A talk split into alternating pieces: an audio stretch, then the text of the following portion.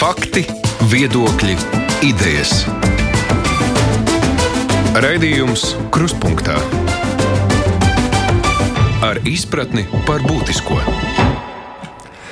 Labvakar ikvienam, kas mūs dzird un klausās šajā sestdienas vakarā, krustpunktā, speciāla izlaidumā. Vēlēšanas tātad noslēgušās jaunās vietvaras Vairumā Latvijas ir ievēlēts, tagad jāskaita ir balsis un jāgaida ir rezultāti. Kādas tad šīs vēlēšanas ir bijušas, kas tad turpmāk nodrošinās mūsu interešu pārstāvniecību? Man sauc Aidis Tomsons, un es kopā ar jums būšu nākamās trīs stundas. Tāpat kā mans kolēģis, politisko notikumu komentētājs Edvards Liniņš. Sveiks, Edvard! Labvakar! Mēs abi esam multimediju studijā, kas nozīmē, ka radio mājaslapā, arī Facebook tiešraidē mūs var redzēt. Tā producēja Junāma, un savukārt droši vien jāpiebilst, ka mūsu raidījums nu, tiek veidots, ievērojot visas epidemioloģiskās drošības prasības, kādas valstī ir noteiktas, lai mēs viens otru neapdraudētu. Nākamo trīs stundu laikā šajā mūsu speciālajā izlaidumā sazināsimies mēs gan ar dažādām partijām, sarunāsimies ar politologiem, ar žurnālistiem reģionos. Tāls Eipors mums seko līdz sociāliem tīkliem, ko tie raksta par vēlēšanu norisi un balsu skaitīšanu. Un kādas pēdējās minūtes pirms apaļās stundas uzklausīšu arī kādus jūsu klausītāju zvanus tiešajā etrā. Nu, tāds kā improvizēts brīvais mikrofons. Nu, un, protams, ziņas un jaunumi, kas šovakar būs dzirdami katru pusstundu. Caur Zoom platformu mūsu studijā šobrīd ir piesaistīts pieslēgusies arī Domnīcas providus vadošā pētniece Līga Stafetska. Sveicināt, Līga! Labvakar. Te nu mēs šobrīd mazliet pirms sazvanīsimies ar kādām partijām, iezīmējam to kopējo ainu. Un tā laikam galvenā ziņa šajā dienā - zemais, jeb salīdzinoši tiešām zemais vēlētāju aktivitātes līmenis, kāds ir bijis. Līga, tavuprāt, kāpēc tā? Jā, nu jāatzīst, ka tas varbūt nav liels pārsteigums. Visi jau gaidīja, ka, ka aktivitāte būs zemāka, bet nu, šis rādītājs ir ļoti zems. Jāatzīst. Es pat esmu nedaudz pārsteigts.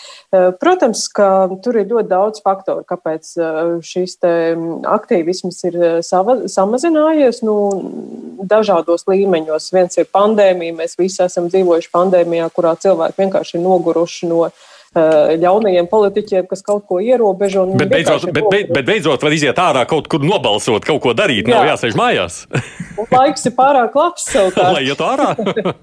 lai, lai iet uz iecirkņiem? Uh, nu, tas jokam, protams, laikapstākļi ietekmē, bet es domāju, ļoti minimāli tam nav tāda izšķiroša nozīme. Nu, protams, tas lielais, lielais iemesls ir tā administratīva teritoriālā reforma, ir ārkārtīgi liela pārkārtošanās vietvaru dzīvē, kā nu kurā vietā tas mainās. Vienā tāda būtiska pārgrupēšanās politiķu, politisko partiju vidū, citā mazāk būtiska, bet nu, es domāju, tas bija galvenais iemesls šī reforma, ka cilvēki vai nu nenorientējās, nesaprata, nenovērtēja savu lomu, domāja, ka nu, vairs īpaši daudz neko nevar ietekmēt, vai arī mazāk jūta atbildību pret šo lēmumu. Nu, es teiktu, mm -hmm. ka mhm. pamatā tie ir administratīvās reformas rezultāti. rezultāti. Bet tev pašai nav piedošana, bijis jāiet balsot. Tu esi rīdzinieci? Nu, jau rīzniece, nu, bet, bet kādu krietnu laiku dzīvoju novadā, kurā šodien neviens neiet balsot. Proti, nāk no Reizeknas novada. Edvards, tavukārt, savukārt tavs domas, kāpēc tāda situācija? Nu, es vēl varētu piebilst, ka, kā ziņo Facebook grupa Sēņu mednieki, ir parādījušās pirmās baravikas mežā. Tiešām? Labi, bet tas nu ir joks. Eh, bet eh, drusku nopietnāk, labs laiks eh, un pavasara dārza darbi. Tam varētu būt arī sava ietekme. Eh, bet galvenie iemesli, protams, ir tie, kurus minēja kolēģi, eh, proti pandēmijas situācija, arī administratīva teritoriālā reforma, un es mm, gribētu laikam piebilst arī tāda nu, šobrīd eh, sabiedrības vispārēja, nu, varbūt nepatika ir. Uh, pārāk skarbs vārds, bet eh, tāds vēsums attieksmē pret politisko varu, eh, kas laikam arī ir diezgan saprotams, ievērojot visu to stresa situāciju, sociālā arī dzēn politiskā stresa situāciju, kādā mēs pavadām nu jau otro gadu. Nu, mums jau vienmēr ir bijuši cilvēki, kas jau Twitterī ierakstīja, kāpēc, manuprāt, varētu būt tiešām šīs zemākās aktivitātes šajās vēlēšanās. Tur uzreiz kāds rakstīja, bet viņi vienmēr ir zaguši un turpmāk zags, tāpēc nav nemaz jēgas iet vēlēt. Mums kaut kā tāda. Jā, nu šī nu, tas... izjūta, uh, tas ir tas lozungs, kas vienmēr ir bijis kaut kur dienas kārtībā, bet uh, šobrīd uh, salīdzinoši lielākam skaitam varbūt šī izjūta ir sāsinājusies. Es esmu no pierīgas, vienkārši tā pateikšu savā starpā. Man, es laikam arī šī bija pirmā reize, kad es domāju, varbūt neaiziet vēlēt, jo es nesaprotu, par ko lai balso. Š, man liekas, ka nekad dzīvē es neesmu. Es, es esmu gājis apzinīgi kopš kļuvu par balstiesīgu pilsoni, vienmēr es nevienas vēlēšanas neizlaižu. Un šī bija tā reize, kad es domāju, pirmo reizi dzīvē uh, uh, izdarīju izvēli, par kuru es Es pat nezinu, vai es esmu pārliecināts. Es vienkārši nesapratu, par ko balsot. Man tur ir 14 saraksti priekšā, kas aiz kuru pakauša gribi. Uh, visi sola vienu un to pašu. Programmas pilnīgi gandrīz vai identiskas. Cilvēki vai nu nepazīstami, vai arī tādi, par kuriem negribas balsot. Nu, ko tu lai es daru? Nu, it kā jau tas būtu loģiski. Pagaidiet, ko teica? Jā. jā, es šodien dzirdēju rādio brīnišķīgu apzīmējumu, ka vecie ir nokaitinājuši, bet jaunos nepazīstu. Un tad nu, vēlētājs ir diezgan dezorientēts, ko tagad īsti darīt diezgan daudzos novados. Bet viena lieta, kas vēl iezīmē šīs vēlēšanas, ir tas, ka tās nenotiek Rīgā. Un dzīvojot Rīgā, vispār var nepamanīt, ka notiek šodien vēlēšanas. Protams, jā, hokejs šodien notiek. Jā, tieši tā. Un, un parasti arī tā, tā, tā mēdīja uzmanība ir daudz lielāka tam, kas notiek Rīgā. Un vispār cilvēki arī uzzina, ka notiek vēlēšanas līdz ar to daudz vairāk. Un eh, šoreiz mēs arī nu, mēs neredzam to. Parasti arī Rīgā tas aktīvisms ir daudz lielāks. Šī ir tā iespēja paskatīties uz pārējo Latviju, beidzot bez, bez Rīgas eh, aktivitātes un tām, tām um, batālijām, kas parasti ir eh, ļoti lielā koncentrācijā tieši par Rīgu. Un arī partiju interesi lielākoties vienmēr ir bijusi koncentrēta Rīgā. Nu, protams, būs jau interesanti saprast, kāda vispār ir vēlēšana rezultāti. Es Es izteicu bažas šodien, skatoties uz visu, vai vispār varēs kaut ko spriest par vēlēšanu rezultātiem. Es domāju, no tāda partijas, ka skatu punkta lūkojoties. Nu, kā mēs zinām, tā, kad notiek vēlēšanas, partijas to novērtē kā tādu vēlētāju uzticības kredītu. Nu, sakot, nu, lūk, mums tur atbalstīt nezinu, 15, 20% vēlētāju saskaitot pa visiem novadiem. Viņš varēs kaut ko no tā varēs secināt. Vismaz ļoti maz balsotāju, otrkārt tā izvēles izdarīšana. Es vispār nesaprotu, pēc kādiem principiem viņi te varētu vērtēt šoreiz. Jā, nu kombinācijas jau katrā vietā tiešām ir atšķirīgas. Un uh, ir gadījumi, kad šobrīd koalīcijā un opozīcijā esošas partijas ir pat vienā sarakstā, uh, kādā no novadiem. Un tad, nu, ej, nu, zini, ja šis saraksts kaut ko iegūst vai neiegūst, uh, kam tad pieskaitīt to Jā. plusu vai mīnusu. Tas ir ļoti relatīvi. Es arī uh, diezgan skeptiski vērtētu jebkādus partiju apgalvojumus šobrīd par to, ko, ko tās uh, var secināt par vēlētāju pozitīvu vai negatīvu attieksmi. Ne? Man, man tā liekas, Līga. Nu, man, interesē, man interesē īstenībā viena tāda lielāka lieta, cik Latvijas karte nākotnē būs zaļa. Un ar zaļu mēs nedomājam klimata neutralitāti, bet tieši zaļiem zemniekiem. zemniekiem. Jā, jo es tieši šodien gāju cauri visiem lielajiem jaunajiem novadiem. Nu, tur novadu centros no absolūti dominants tomēr ir eh, zaļajiem zemniekiem. Vai nu tā ir Latvijas zaļā partija, vai zaļa Latvijas zemnieku savienība, vai ZZS, jebkurā formā. Eh, tas būs ļoti interesanti arī domājot par nākotni, par saimnes vēlēšanām. Nu, tomēr eh, zaļajiem bijis ļoti liela ietekme pašvaldībās pēdējos desmit gados, un arī ļoti liela ietekme pašvaldības savienībā. Bet nu, šis darbs opozīcijā, sliktie saimnes vēlēšanu rezultāti ir parādījuši, ka daudz kur arī šie līderi ir aizmigrējuši uz citām partijām. Tāpēc tā man, mana interese būs redzēt tieši to, to, to zaļo zemnieku. Mm, nu, sniegumu šajās pašvaldībās. Nu, viņam arī bija tie, kas bija pret apvienošanu. Kuras partija tev būtu interesanti saprast, kas notiek ar vēlēšanu rezultātiem? Man drīzāk būtu interesanti konkrētās pašvaldībās kas notiks, kāda tā kombinācija izveidosies un uh, kāda tā situācija būs. Mm, vairāk pilsētas. Uh, nu, jā, droši vien vairāk pilsētas, lai gan novadi varbūt šajā gadījumā ir pat interesantāki, jo nu, tā, šur un tur tie ir patiešām pilnīgi jaunveidojumi no tāda teritoriālā viedokļa, bet nu relatīvi. Ja?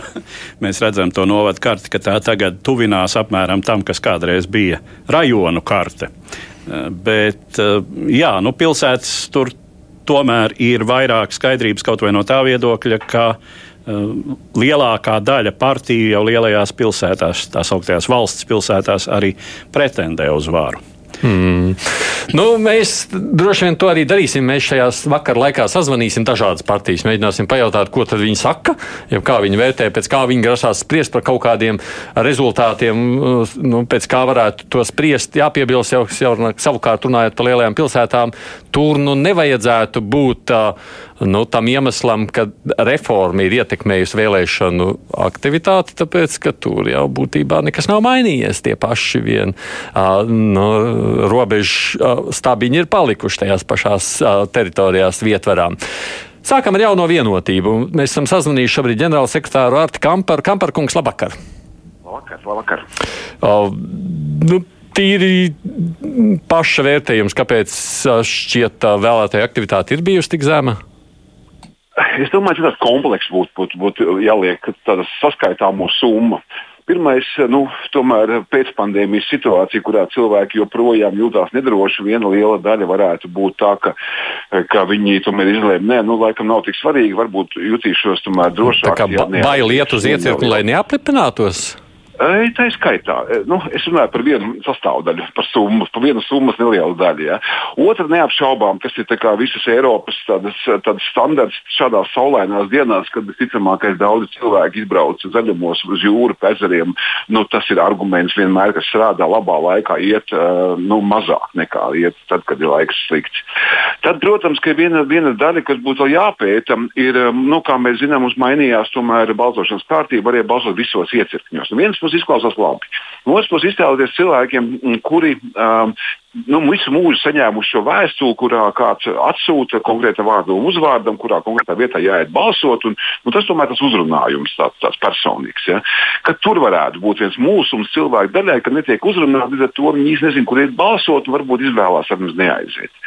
Tas ir, tas ir trešā tāda summa, kāpēc, manuprāt, tā varētu būt. Un, um, un, un, un pēdējā ir tāda, ka nu, nu, nu, cilvēki tur, kur acīm redzami nav tāda liela cīņa, kur varbūt liekas, viss ir kārtībā, viņi izvēlās nu, nu, nu, tā, nu, nu, drusku apātī tādu varbūt. Tā kā mm. es, es nedomāju, ka šeit mums ir kaut kāda milzu problēma kopā, bet, protams, ka ir jāanalizē šie zemie vēlēšana rezultāti, kāpēc tas tā ir noticis. Es domāju, sociologiem un, un arī pašiem politiķiem būtu par šo jāpēta, jo, jo mēs ejam, protams, kur rietumē Eiropas virzienā. Ja rietumē Eiropā arī pašvaldību vēlēšana līdzdalība ir pietiekami zema, vienmēr bijusi nu, tāda miera laika, varētu teikt. Bet, nu, es, tas, es tādu īstu viena nav.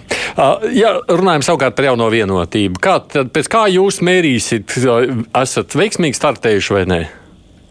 Nu, mēs noteikti mērīsim pēc deputāta skaita, pēc tāda, cik no 34 um, sarakstiem mūsu ap, apgabalos, cik mēs esam saka, iekļuvuši un kāda rezultāti ir pret iepriekšējo reizi. Tas ir pirmais. Un tad droši vien pēc kāda laika, kad jau, kad jau veidosies novadu domas vadītāji, attiecīgi tad, nu, veidosies tādas koalīcijas, kas, kas vadīs, nu, cik mūsu cilvēki būs bijuši spējīgi veidot šo, te, šo līderības pozīciju, lai lai atrastos tādā novada vadībā. Tā kā tie ir nu, šī, šai naktī droši vien tas, tas pirmais ārākais ir cilvēku skaits, cik mēs esam ievēlējušies. Viņi nevarēs salīdzināt iepriekšējo reizi, jo tie skaiti nav salīdzināmi. Vienlaikus, nu, Protams, ka gribētos, lai mēs esam iespējami daudz vai nu uzvarējuši, vai nu pārvarējuši 5%, esam bijuši iekšā un, un, un mēs kā, kā partija esam pārstāvēti. Kā jūs tādā teikumā, vienā devīzē raksturot, kas bija jūsu moto, ar ko jūs mēģinājāt paņemt vēlētāju balsis? Mums šis moto bija ļoti precīzi noformulēts. Mēs viņu noformulējam, ik viens ir svarīgs. Šie šī, šī trīs vārdi ietvēra sevi gan tādu vērtību sistēmu, kas, kas mums liekas arī lielajā politikā. Proti, ka viena cilvēka vajadzības, neraugoties no viņa dzimuma, no viņa pārliecības politiskās, no viņa nezinu, sociālā stāvokļa. Viņš ir svarīgs mūsu valstī, mūsu Latvijai, un, un tas tāds tā kā kopīgā vērtības sistēma. Otra tieši šīs reformas kontekstā, jo, jo vēlēšanas ir tomēr nu, jau jaunie novadi, kurā, kurā varbūt liela daļa no cilvēkiem nu, skatās skeptiski, kā tagad iekļaujoties lielajā novadā, kā es jutīšos, vai man būs pakalpojumi pietiekami, vai, vai, vai šis nu, kaut kas man nebūs mazāk, vai kāds man neapdalīs. Proti, uzrunāju šo daļu, sakot, nē, katrs ikvienā nelielajā novadā, kurš tiek uh, apvienots lielākā, paliek svarīgs. Uh, mēs uh, noteikti vēlamies domāt par ikvienu, uh, neraugoties to, kur viņš dzīvo. Un, un, uh, un, un, un, un, un ko viņš domā. Arts Kampars, paldies jums par sarunu. Jaunās vienotības ģenerālsekretārs par jauno vienotību runājot līgi. Ir jau tā, ka likās pirms dažiem gadiem viņiem vispār bija politiskā krīze, nu, tā iekļūšana saimā ar mazāko frakciju, viss pārējais. Um, ko domājat? Vēlētājs šo jau ir, nu, kā saka, šis ir izgājis cauri, viņiem tagad tikai varētu būt labāk. Jā, nu ir ļoti interesanti vērot tieši jaunās vienotības aktivitātes reģionos, jo man arī būtu interesanti zināt, kā viņi tās savas balsis skaitīs, jo nu, ir daudzi no tiem pašvaldību līderiem, kas kandidē reģionos, ko jaunā vienotība varētu uzskatīt par saviem biedriem, un tādi viņi arī ir, bet viņi nekandidē no jaunās vienotības, nu, piemēram, Jānis Baiks vai ne, Valmierā Viņam tā partija, no kā viņš kandidē šobrīd pašvaldību vēlēšanās, nav jaunā vienotība, bet Valmierai un Vidzemei vai Kuldīgā Inga Bērziņa, ne, kas ir premjera padomniece, viņa arī pašvaldību vēlēšanās nemaz no jaunās vienotības saraksta gluži nekandidē. Acīm redzot, reģionos līderi ir sapratuši, nu, kas ir tas izdevīgākais, ka tā izdevība ir daudz lielāka un vēlētāju atbalsts būs lielāks tad, ja viņi to darīs caur savu vietējo partiju, nevis jauno vienotību. Um, tādā ziņā um, jaunā vienotība ļoti lielā mērā arī uh, paļaujas uz šiem reģionālajiem līderiem, un tas ir arī veids, kā nu, teju vairākums visas no saimā pārstāvētajām partijām vispār risina savu biedru, uh, biedru soliņu īso, jo tad, kad būs nākamgad uh, saimnes vēlēšanas, tad, tad atkal šie reģionālajie līderi daudz kur varētu arī parādīties kā sarakstu vilcēji tā interese par to, kas notiks reģionos, neapšaubām lielajām partijām ir ļoti liela. Bet mēs redzam, ka viņa nu, tā draudzība ir liela, bet viņa arī ir zināma rezerve, ka, ka vietējie līderi tomēr izvēlās šīs reģionālās partijas. Uh, Otra partija, savukārt, kuru mēs gribam aprunāties, ir saskaņa. Mēs esam sazvanījuši Aleksandru Bartaševiču. Viņš ir arī saskaņas valdes loceklis no Reizeknas. Viņš nees Reizeknas mērs. Bartaševičs kungs, labdien! Vai labvakar, jāsaka. Jums, ja skatāties kopumā uz visu šo te novadu karti Latvijā, nu, tā galvenais akcents, kā jums šķiet, tas jūsu lielākais bastions ir Reizekne vai arī tomēr vēl kādas citas? Latvijas es domāju, daļas? ka mēs uh, nākamos četrus gadus vēl pastrādāsim Reizekne un, ka teikt, uh, ir iespēja parādīt vēl labākus rezultātus. Un kurās pašvaldībās vēl cerat? Uh, nu, vismaz Reizekne. Uh, Tur es redzu, ka mēs varam turpināt vadīt pilsētu. Es domāju, ka labi rezultāti būs mums Lūdza, tāpat arī par balviem varu pateikt. Daugopils, protams, arī, jo saskaņā, manuprāt, tā izdalās starp visām partijām. Un, man liekas, ka uzticība mūsu partijai ir lielāka. Mēs pārvarējām krīzi, kas bija ar, teikt, nu, fiksējām ar Rīgas pašvaldību vēlēšanām. Un es domāju, ka saskaņā ir spējīga parādīt labus rezultātus visas pašvaldības, bet nu, vairāk par latgalēs. Nu, tā varētu būt. Jā, tajā pašā laikā nu, ir jau bijuši arī pilsētas citos Latvijas reģionos, kuros jūs esat mēģinājuši spēlēt būtisku lomu.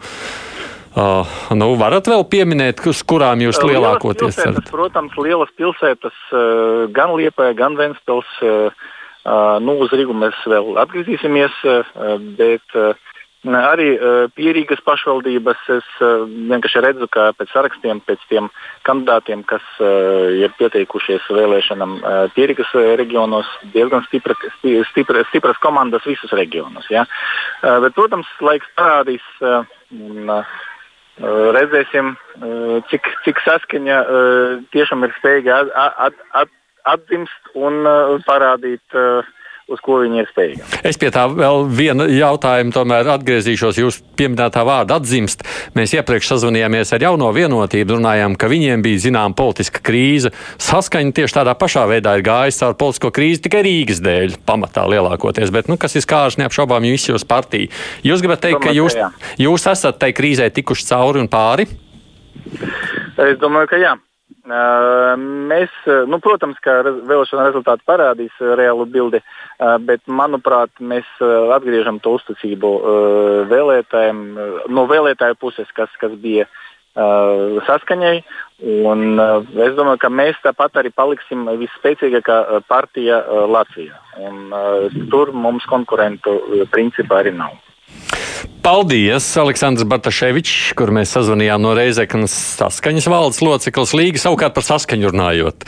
Arī vēl viena krīze. Viņi saka, domā, ka ir tikuši pāri krīzei. Uh, es nezinu, cik pašvaldības ir ietekmējušas tas tā krīze, kas bija Rīgā, tavuprāt. Nu, tas, ko var redzēt pēc um, šīm vēlēšanām, noteikti Bartaševiča kungam ir ļoti stabils pozīcijas Rezeknē, un tas ir viņa bastions uh, nu, vis, visai droši to var teikt. Um, paskatoties, tur ir samazinājusies konkurence ļoti ievērojami. Ja pagājušajās pašvaldību vēlēšanās tie bija 11 saraksti, tad šogad tie ir 5 saraksti. Un, Un, uh, nu, diezgan lielas, uh, lielas iespējas, ka Bartaševičs arī turpinās vadīt šo pilsētu. Uh, skaidrs, ka viņi zaudēja re reformas rezultātā vēl vienu pilsētu Zilupi, kas tagad tika iekļauta Lūdzes novadā. Redzēsim tiešām, kādi būs rezultāti, lai gan Lūdzes uh, domas priekšādāt, Zilupas novadas priekšādātājs šķiet kandidē no zaļiem zemniekiem šogad. Uh, Nu, lielais jautājums ir, teikt, ir par divām pilsētām, par Daugopili un par Jūrmalu, ko Bartaševičs kungs nenosauca. Jā, Jūrmalā viņam ir bijusi tāda diezgan ietekmīga loma, tāda saspēle ar zaļajiem zemniekiem, gluži kā saimā dažkārt. Un tad ir jautājums par Daugopili. Daugopils ir tāds tumšais zirdziņš, kur grūti kaut ko saprast, kāda būs šī gada rezultāti. Jo nu, Daugopils pēdējos četrus gadus ir piedzīvojis četras reizes vadības maiņu. Uh, Eh, divas reizes tas ir bijis saskaņas, eh, vadīt, saskaņas vietējais līderis Elksteņa kungs, bet nu, eh, tas ir tas lielais jautājums. Un es domāju, ka saskaņas izdzīvošanas jautājums ir tieši uzvar Daugopilī vai tie viņu rādītāji Daugopilī, kādi tie būs. Es savukārt, Edvards, tev jautātu tā, redz, no vienas puses šķiet, ka tā lielā politika un krīzes partijās, lielajā politikā netik ļoti atsaucas uz pašvaldību vēlēšanām. Tajā pašā laikā izskatās, ka nu, es neesmu pārliecināts, ka vienmēr nē. Nu, Līdzēsim, protams, ko KPVLV šajās vēlēšanās rādīs vai neparādīs, bet nu, realitātē nu, viņi jau ir. Nu, līdzīgi kā saskaņa jauno vienotību, iet cauri krīzē, varbūt dramatiskākai krīzē. nu, jā, es laikam nesalīdzinātu šos šos divus pirmos gadījumus tomēr ar KPVLV, kas, eh, manuprāt, nu, es atļaušos teikt, eh, loģiski, ka šāds veidojums, mm, kāda KPVLV ieguva vietas saimā. Eh, nu, mums ir bijuši vairāki tādi gadījumi, kad šādas, šādi politiskie spēki izdzīvo vienu saimas kadenci un pēc tam beidz savu eksistenci. Baidos, ka tas būs KPVLV gadījums, bet par pārējām divām Jā, nu te ir droši vien dažādi mm, apstākļi, kāpēc šīs partijas pārdzīvoja šo krīzi valsts līmenī. Un, nu, varētu spekulēt par to, kurā gadījumā tas varētu drīzāk atsaukties uz viņu reputāciju uz vietas, lai gan es domāju, ka no nu, šo partiju vēlētāju vietvarās jau vēl krietni labāk nekā varbūt uh, vidējais Rīgas vēlētājs saprot, kas tie ir par cilvēkiem, ko no viņiem tur var sagaidīt. Nu, jā. Attiecīgi tā reputācija daudz lielākā mērā veidojās no individuālām kvalitātēm, no uh, esošiem tā sacīt labajiem un netik labajiem darbiem. Tur uz vietas, uh, taiziņā tev taisnība. Uh, tās lielās politiskās pārbīdes, tur nu, izšķirošais, noteicošais vai, vai tas būtiskākais faktors varētu būt tas, vai šī partija tiek varā vai netiek varā valsts līmenī. Tad ir tas, ar ko arī uh, operē šobrīd ļoti aktīvi, uh, arī debatēs, kas man nešķiet ļoti labi, bet tā nu tas ir. Nu, tā tad mums ir ministri. un sevišķi, ja tie ir uz pašvaldību darbu attiecināmi ministri, kas varētu būt vidas aizsardzības, reģionālās attīstības, um, transporta, -hmm. respektīvi satiksmes un uh, Kas var ietekmēt reģionu? Jā, dzīvi, kas, kas to, un, un ja tā tad mums ir ministrs, tad ziniet, arī jūsu pašvaldībai, ja jūs tur ievēlēsiet pareizo deputātu komplektu klāsies labi.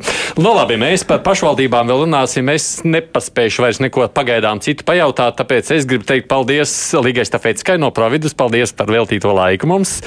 Lai jauks vakars tev, gaidot jā, vēlēšanu jā. rezultātus. Tāpēc, ka mēs šobrīd tūlītās sagaidīsim jaunākās ziņas un turpināsim šeit jau arī nākošajā pusstundā. Es atgādinu arī, ka mēs gaidīsim klausītāju zvanus.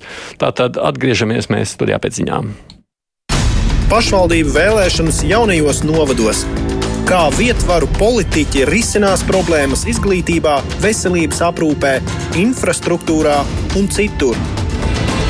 Analizē raidījums Krustpunktā. Mēs joprojām esam šeit studijā. Aits Tamsons, Nedvards Liniņš, un te mums arī šajā brīdī ir pieslēgusies Latvijas radio Latgales studijas vadītāja Renāte Lazdiņa. Renāte, sveicināti! Labdien! Kāds noskaņojums? Jo es skatu, parasti mēs esam pieraduši, ja runājam par to zemo vēlētāju aktivitāti, nu tad Latgala vienmēr ir tā pēdējā, nu tad pārējā Latvija tā kā rulē uz priekšu. Šajā reizē ir otrādi. Nu, ne pilnīgi otrādi, bet Latgala pilnīgi noteikti nebija pēdējā vietā. Man liekas, ja nebija uh, pārējās reģiona gāja sliktāk. Uh, kas nozīmē? Uh, nezinu, bet tikko, tikko paskatījos CVK datos, ka Preili, uh, Latgales viena no pašvaldībām, ir viena no aktīvākajiem. Jā, jā tie laikam bija pirmajā jā, vietā, vai ne?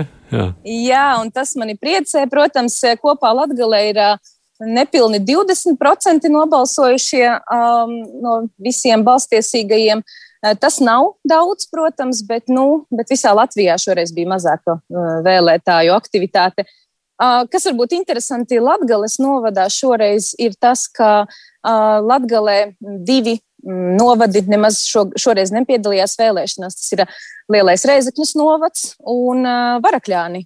Un tas viss, protams, tapa skaidrs pirms, me, pirms tikai nedēļas, kad satversmes tiesa nāca klajā ar savu lēmumu, ka satver, kad Varakļāni nav īsti likumīgi pievienoti Reizekņas novadam. Un tad gan Rēzekļus novads, gan Varakļāni gaidīja savu e, vēlēšanu nakti, dienu, 11. septembrī. Varbūt, ka vienmēr nu, novads novilka uz leju visu aktivitāti, un tagad no, novada nav.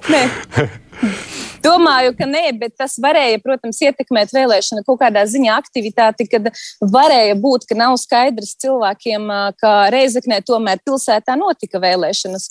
Un, uh, tas varēja kaut ko ietekmēt, ka cilvēki varbūt neizprata. Bet nu, mm -hmm. es ceru, ka nē.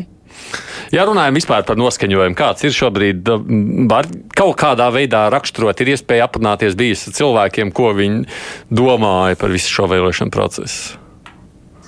Uh, diezgan lielas neskaidrības. Mēs tiksim, daudz esam runājuši ar Daugopils cilvēkiem, kas ir otra lielākā Latvijas pilsēta un lielākā Latgales pilsēta. Un, tur ņemot vērā iepriekšējo gadu peripēties politiskās, kad mēra krēslu nomainīja četras reizes un ļoti nestabila politiskā situācija, tad arī vēlētāji uz ielām teica, ka nu, nav īsti skaidrs, kā labāk balsot, par ko labāk balsot. Un ir arī cilvēki, kas tā arī teica, ka viņi neies balsot, tāpēc ka īsti nav skaidrs, kā labāk vēlēt šajā situācijā. Bet arī e, šajā brīdī, manuprāt, e, no tām desmit partijām, kas e, Daugopilī šodien startēja vēlēšanās, nu, noteikti tā, tas īpatsvars būtiskākais būs uz tām pašām partijām, kuras pārstāv bijušie mēri, vai nu, arī šī brīža mērs. Tās partijas, tās būs kaut kādas četras partijas, visticamāk, kas ļoti kaismīgi mm, tiksies, kurš tad būs tas eh, vadošais. Tur prognozēt vēlēšanu rezultātus vispār nav iespējams, jo līdz šim tas nebija iespējams saprast īsti to, to kurš nu kurā brīdī nomainīs to krēslu, un arī šobrīd. Eh, Reizeknas pilsētā, mm, kā arī lielā valsts pilsētā, um, nu, tas, tā situācija varbūt ir drusciņ skaidrāka, jo visus šos gadus um, Reizeknas pilsētā tā politiskā situācija bija diezgan stabila. Uh, nu, vienīgais, kas varbūt uh, varētu izmainīt kaut kādu situāciju, ir tas, ka Reizeknas pilsētā šoreiz uh, atšķirībā no mm, četriem gadiem atpakaļ, startē uz pusi mazāk vēlēšanu sarakstu. Tie ir pieci tikai, un tas nozīmē, ka ir cerība, ka tās vēlētāju balsis neizšķīdīs pa mazajām partijām. Un, nu, teiksim, tā, tās partijas, kas nesasniedz 5% robežu, tajās partijās neizšķīdīs šīs vēlētāju balsis. Un tad, tad tas varētu nozīmēt, ka kaut kas varbūt var mainīties arī Reizeknas domē, Bet eh, nu, tur, tur ir diezgan arī stabilas pozīcijas. Vai, vai, vai, vai ir tā, ka tās pārējās partijas, ja runājam par Reizeknu, savukārt ir Bartuševičs vienā pusē un vispārējie ir otrā pusē? Nu, m, principā Laikam tā varētu teikt, jā. Kas ir interesanti, ka Reizekne ir vienīgā vieta, kur, kur nostartēja arī, arī tāda jauna partija kā progresīvie. Tā citās eh, Latgales mm, pašvaldībās nebija. Tas, tas interesants arī, protams, gājiens. Jā, tā kā te vēl nav līdz galam skaidrs, bet tomēr tās pozīcijas varētu būt diezgan stabilas. To arī mums ir apliecinājuši iepriekš uzrunātie uh, politologi, kas, nu, teiksim, ļoti lielas izmaiņas Reizeknas pilsētā nu, neprognozē.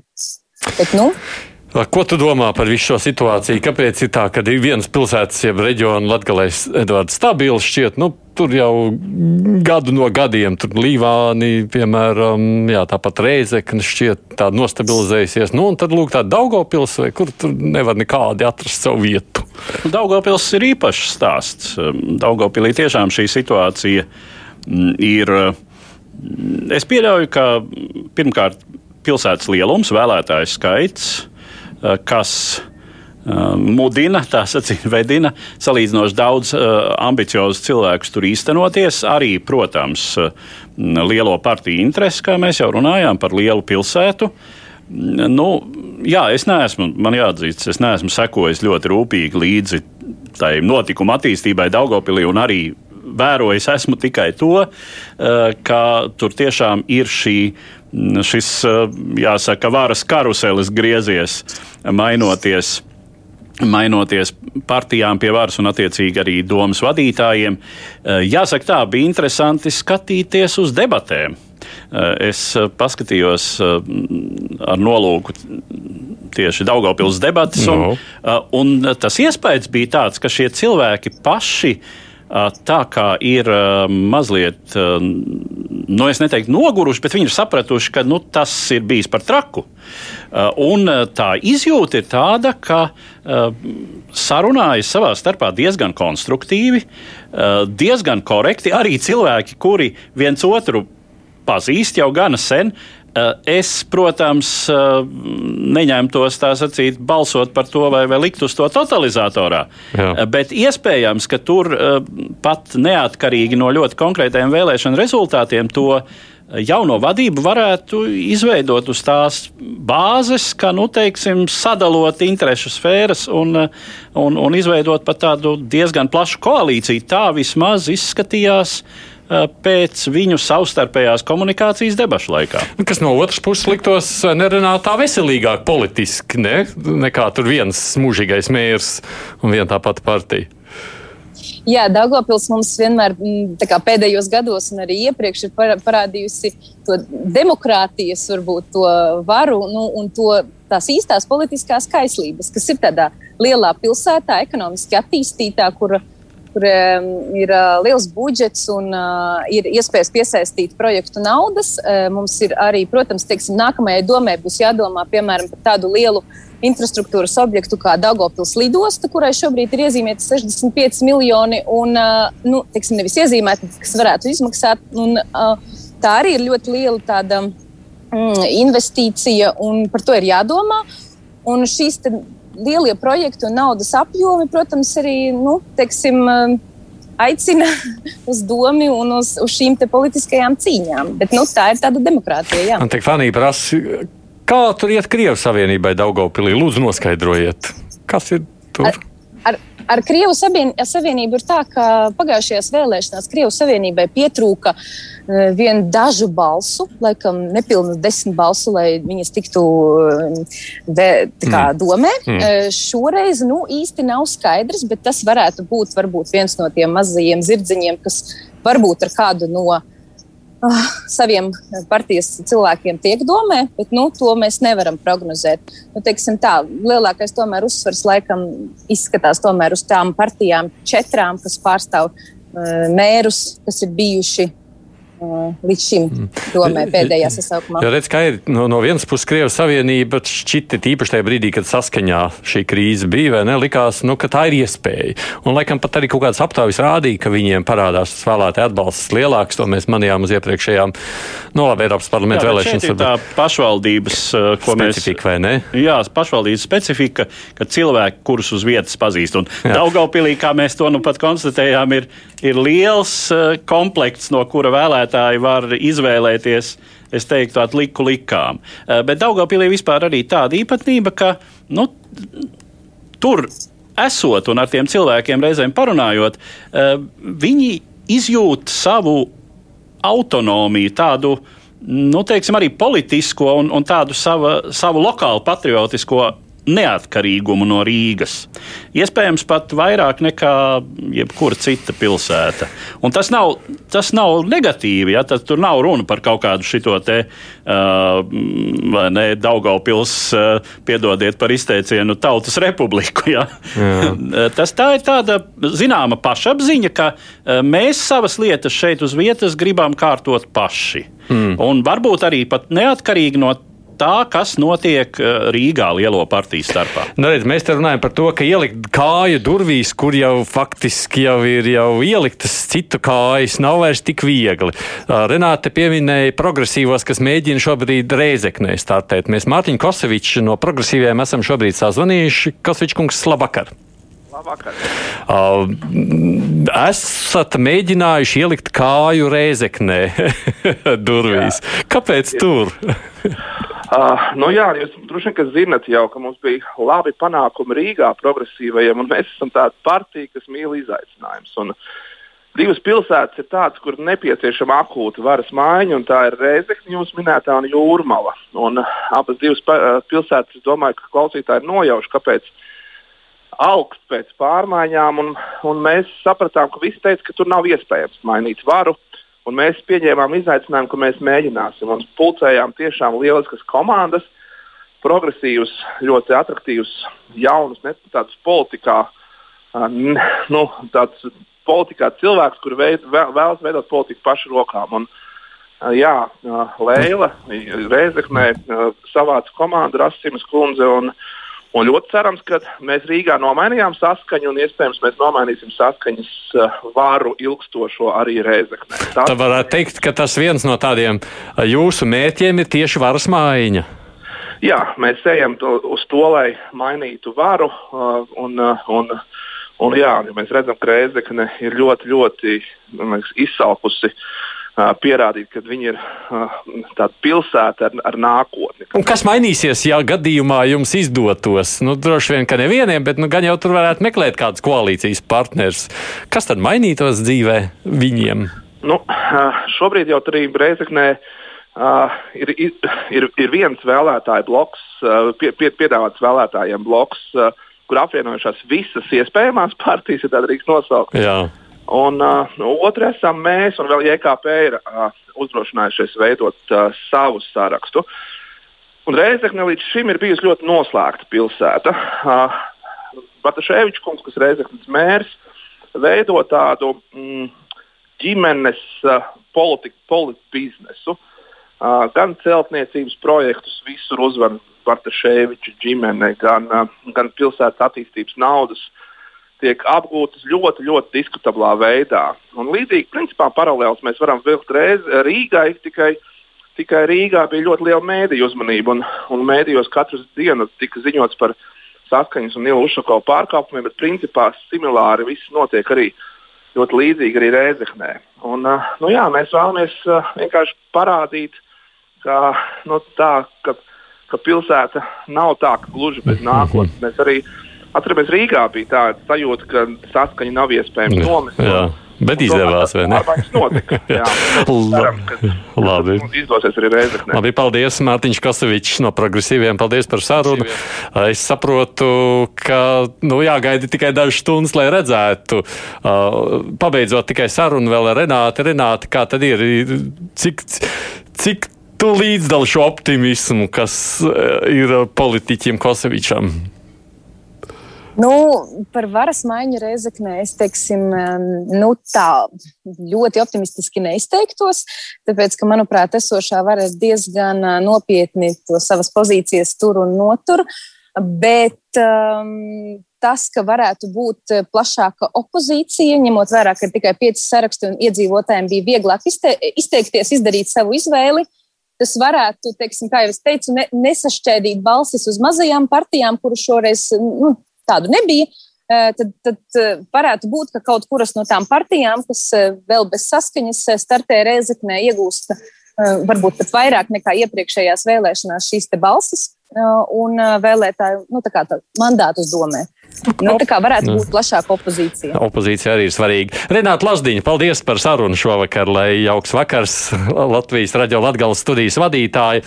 Mēs droši, mēs varam pieslēgties šobrīd, vai tāls ir dzirdams, ir redzams, vai ir uzzināms šobrīd, kamēr man kolēģi vēl skaidros, kamēr viņš, jā, nu, protams. Es esmu gatavs. Es esmu gatavs. Jā, tāli. Labprāt gribētu dzirdēt, ko tad ļaudis sociālos tīklos domā par visu, kas notiek šobrīd šīs dienas kontekstā?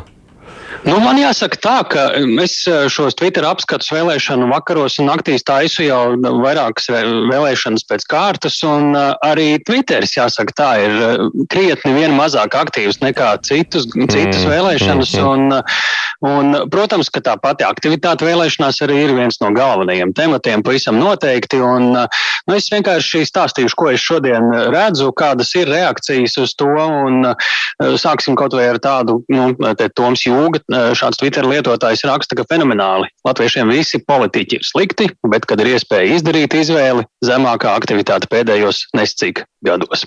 Tur viņš bija skarbākus vārdus arī lietojis, ko es nevaru ētrā teikt. Dzēnieks Liana Langa, raksta, ka Ikšķils tautas nama iecirknī pēcpusdienas vidū rinta, pastāvīga cilvēku plūsma, viņu sajūsmina dažu satiktu ļaužu politi izglītotību. Sajūsmināšana laikam te būtu pēdiņās jāliek, jo šie cilvēki sakot nebalsošot, jo vēlas sodīt veco pašvaldības varu, viss slikti, nebalsosim politika neinteresē, mēs sodām tos politiķus ar nebalsošanu. Nu, politiķis, politologs, aktīvs tvītotājs Veikos Polīts, viņa atbild, ka pēc tam šādi aušas būs pirmie, kuri pēc vēlēšanām lamās visus pēc kārtas no pānskām ārā. Nu, Aleksējs Mjaliks raksta, ka nu, tā tādu uzsaukumu tautai ir ierakstījis atceries savu pašvaldību, tu drīkstēsi lamāt tikai tad, ja balsosi. Uz ko tehnoloģiju zinātājs Kristaps Skutēls atbild nekā.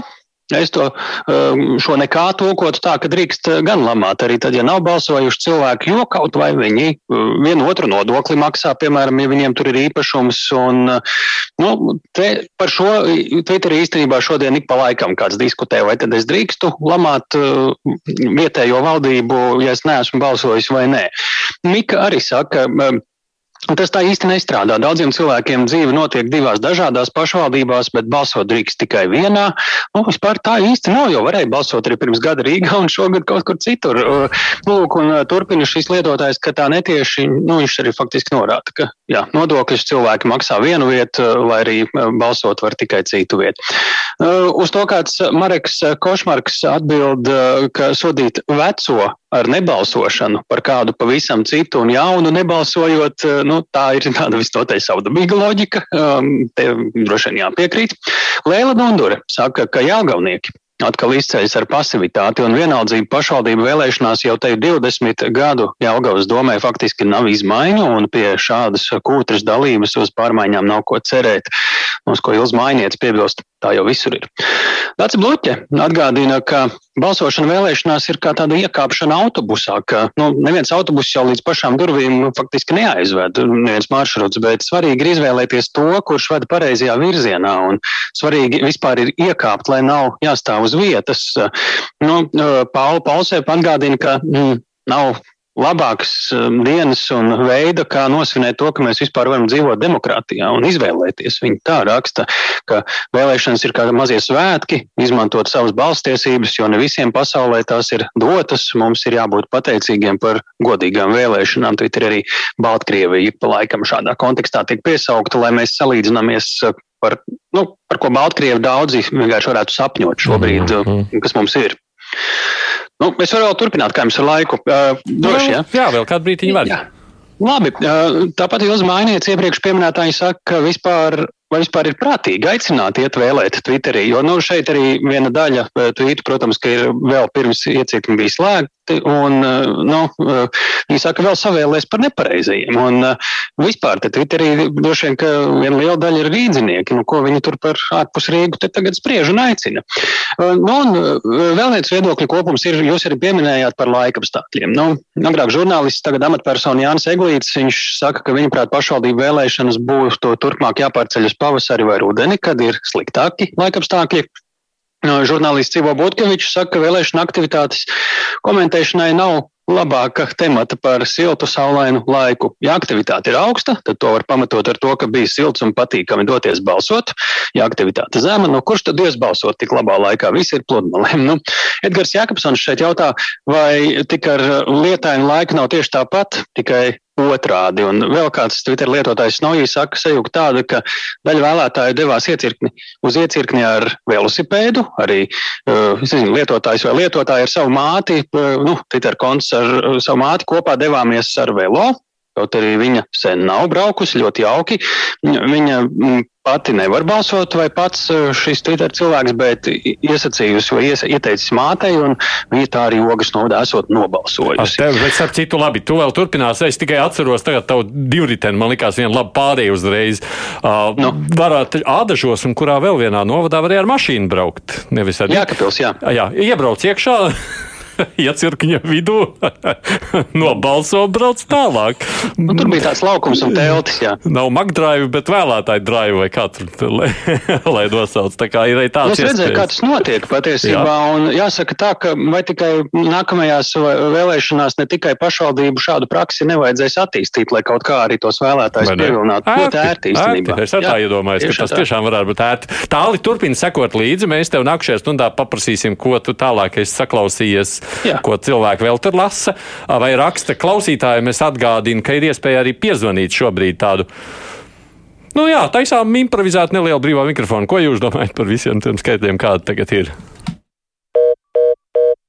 Es nezinu, es esmu sašutusi. Diezgan nožēlojami no nu, tas, kā viņš tur locījās. Varbūt jums žurnālistiem vajag izpētīt.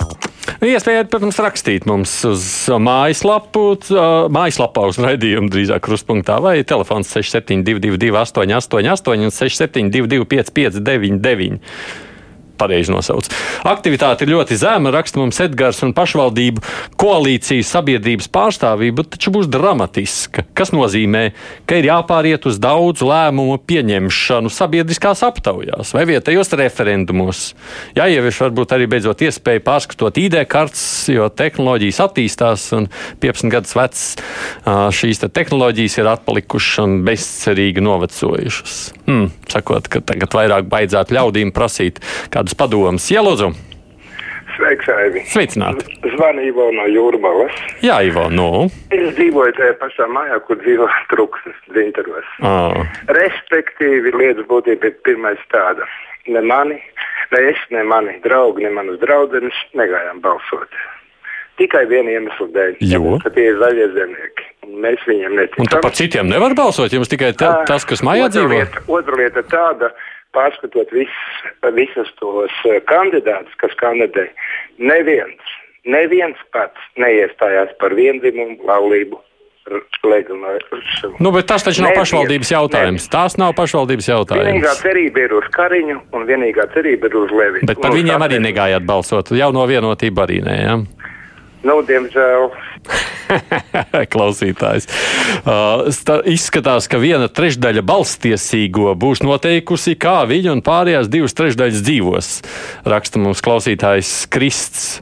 Savukārt uh, viens cits klausītājs saka, kāds vispār runāja par slaktiņu ķanaņu meņa laukumā? Ko te mēs te par vēlēšanām? Kas nu kur uztrauc? Starp citu, par to referendumu, Edvard, ko tu domā? Varbūt tiešām vajadzēs vairāk lēmumus tāds prasīt aptaujās, jo viss sateiks, nu, kurš te jums trešā nu, daļa vēlētāji tikai balsoja. Varakļānu jautājums to ir vispār aktualizējis, jo izrādījās, kad mm. ir jānoskaidro, nu, kad, teiksim, iedzīvotāju, novada iedzīvotāju viedoklis. Nu, faktiski tam būtu jābūt izšķirošam šajā situācijā.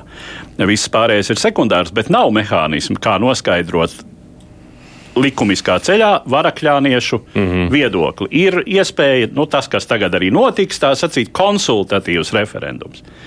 Nu, te nu mēs esam. Jā. Tas varētu būt un, un droši vien, ka e, šāds mehānisms būtu, būtu ļoti liederīgs, kas arī lielā mērā stiprinātu to vietvaru vēlētāju pārliecību par to, ka viņi tiešām šava, savā vietvarā kaut ko nosaka ne tikai tad, ja pazīst, eh, nu, tā rupi sakot, pagastu veci vai viņa sievu. Ja? Mm.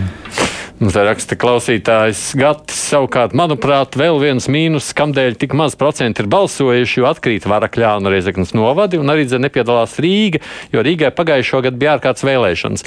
Bet te tagad jāpaskaidro klausītājiem, tas nenozīmē, ka mēs skaitām no visas Latvijas balstiesīgajiem. Jā, tas, tas nav no Latvijas pilsoņu Jā, skaita. Tas ir no tā balstiesīgo skaita, kuriem bija iespējas balsot konkrētajos novados, un arī tur atnāca tikai trešā daļa. Līdz ar to, to nevar tādā veidā matemātiski to skaidrot. Uh, un tad vēl mums uh, raksta Feldmaņa kungs, lūdzu vērst uzmanību, ka jāatzīst, ka joprojām valsts un pašvaldība attīstības vīzija ir ļoti nepilnīga. Nu, piemēram, pamatprioritātēs nebija iekļauta kultūra kā viena no tādām blakus veselībai, izglītībai, infrastruktūrai, par ko daudz runāja.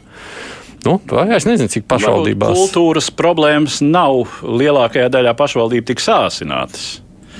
Kā, kā mēs uh, to redzam? Nu, šobrīd, teiksim, veselība ir nepārprotami izvirzījusies fokusā arī izglītības problēmas sakarā ar visu tālmācību un, uh, un tā tālāk. Tie jautājumi daudz. Nu, Partijas to uzķēra. Nu, jā, nu, nu, tas, ir, tas ir loģiski, tas, tas ir aktuālākais. Ar kultūru uh, ir tā, ka nu, tā infrastruktūra uh, acīm redzot, ir. Nu, protams, jā, es arī skatoties debatas, maz manī. Nu, šur un tur, šur un tur, protams, runā par, bet arī lielākoties par kultūras infrastruktūras objektiem un par to, kā varētu tikt organizēta kultūras dzīve kultūras dzīve, teiksim, attālākajos jauno lielo novadu Um, kādreizējos pagastos. Jā, vai viņi nepaliks, vai tie nepaliks ēnā, vai tur dzīvojošie nebūs apdalīti arī, arī ar kultūras produktu. No, 34% balstiesīgo, ko saka līdz ar to Centrālā vēlēšana komisija, ka šī ir bijusi visu laiku zemākā reģistrētā aktivitāte, kāda jebkad ir bijusi vēlēšanās Latvijas vēsturē. Nu, pašvaldībās. Es neatceros, man liekas, Eiropas parlamentā vai nebija. Mm, manuprāt, nē, trešā daļa. Nav manā atmiņā, ka trešā daļa vēlētāju būtu piedalījušies jebkurās vēlēšanās, kas Latvijā ir notikušas. Jā, interesants, protams, fakts par to prēļu novadu, kur gandrīz pusi ir aizgājuši. Drīz vai prasīt to saprast, kas tad vēlētājs tur tik ļoti uzrunāja. Ir jau kādas vietas, kurās acīm redzot, politiķi ir spējuši vairāk mobilizēt uh, savus vēlētājus nekā citi skatos uz pulksteni, mēs ne, nesākam neko tālāk, jo tūlītās priekšā būs arī ziņas. Es tikai uh, tiem skatītājiem, nē, nu, skatītājiem arī tie, kas mūs skatās, mūs var lūkot, redzēt gan mājaslapā, gan arī Facebookā, bet tiem arī, kas mūs klausās, atgādinu, ka mēs šeit būsim vēl vismaz pāris stundas. Nu, līdz ar to turpināsim tādu pēc ziņām ar politologiem, partiju sazvanīšanām, reģioniem, žurnālistiem, kolēģiem un tam līdzīgi. Tātad priekšā ziņas. Fakti, viedokļi, idejas. Raidījums Kruspunktā ar izpratni par būtisko. Šis ir joprojām raidījuma krustpunktā speciāla izlaidums vēlēšanu pēc vēlēšanu garšā, drīzāk tā jāsaka, šobrīd, tad, kad astoņos aizvērās vēlēšana iecirkņi, tad arī mēs šeit sākām savu darbu. Starp citu, uh, interesants ir fakts, ka kaut kādi pirmie vēlēšana rezultāti jau parādās. Tas nozīmē, ka tik mazi balsojuši, ka var ātri saskaitīt. Stundas laikā jau ir iekšā jau salikt pirmās saskaitītās balsis centrālās vēlēšana komisijas lapā.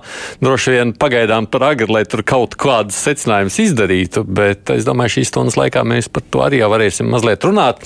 Studijās mēs Aits Tomsons un Edvards Liniņš. Mēs esam divi šeit raidījuma vadītāji, un savukārt Jānis Ikstens, Latvijas universitātes profesors, ir pievienojies mums caur attālināto Zoom platformas. Sveicināti, Jāni! Labvakar. Runājot par šo te mm, pagājušā stundas aktualitāti, vēl ko pieminējām, zemo vēlētāju aktivitāti, ko tu saki par šo? Es teiktu, ka tas kopumā ir satraucoši. Un, Uh, nu, mēs, protams, šeit varam uh, attīstīt visādas uh, vairāk vai mazāk banālas teorijas par to, kāpēc ir noticis tā, kā ir noticis. Bet fakts ir tāds, ka šī ir absolūti zemākā līdzdalība pašvaldību vēlēšanās un saimnes vēlēšanās. Vēl zemāk ir bijis tikai divās Eiropas parlamenta vēlēšanās. 14. gadā tur bija kaut kāda 30%, mm -hmm, jā, jā, jā, un, pareiz. un 19. gadā bija 33, ja nemaldos. Jā, tad faktiski mēs esam uh, nu, pateikuši, ka uh, pašvaldības mums ir apmēram tikpat svarīgas kā Eiropas parlaments. Nu, tas ir viens veids, kā interpretēt šos ciprus. Uh, un uh, šeit, protams, ir uh, nu, ļoti nopietns jautājums. Ne tik daudz varbūt nu, no tāda kaut kāda normatīvā viedokļa, bet tieši no praktiskās politikas viedokļa. Jautājums ir, nu, ko tad šie cilvēki, ko šie deputāti pārstāv? Ja, un katrā mīļā brīdī, kad nepatiks viens vai otrs pašvaldības lēmums, Tad tajās pašvaldībās, kur ir tā nu, īpaši zemā līdzdalība, nu, kur ir kaut kāda 26, 28% tikai nobalsojuši, varēs teikt, nu, klausieties, tā jau ir kaut kāda lemšana virtuvē. Ja, tā jau nav nekāda nopietna pārstāvnieciska politika. Nu, es domāju, ka šeit ir absolūti nepieciešams ļoti nopietni uz šo raudzīties un uh, nodarboties ar, ar, ar, ar attiecīgiem pētījumiem šeit ar kaut kādu triviālu spriedelēšanu par to, ka bija smags laiks. Un, un ka cilvēkiem tur, es nezinu, tur kartupeļi bija jāravē. Ja? Es domāju, šeit absolūti netiek cauri. Nu, kā mums šis ir demokrātijas, jā. veselības jautājums? Teic, tagad biežāk būs jāprasa vēlētājiem kaut kādas aptaujas vai referendumus vietējos, lai noskaidrotu, ko tad īsti grib balsot nu, iedzīvotāji. Nu, es nedomāju, ka šeit mēs varam attīstīt Šveices praksi.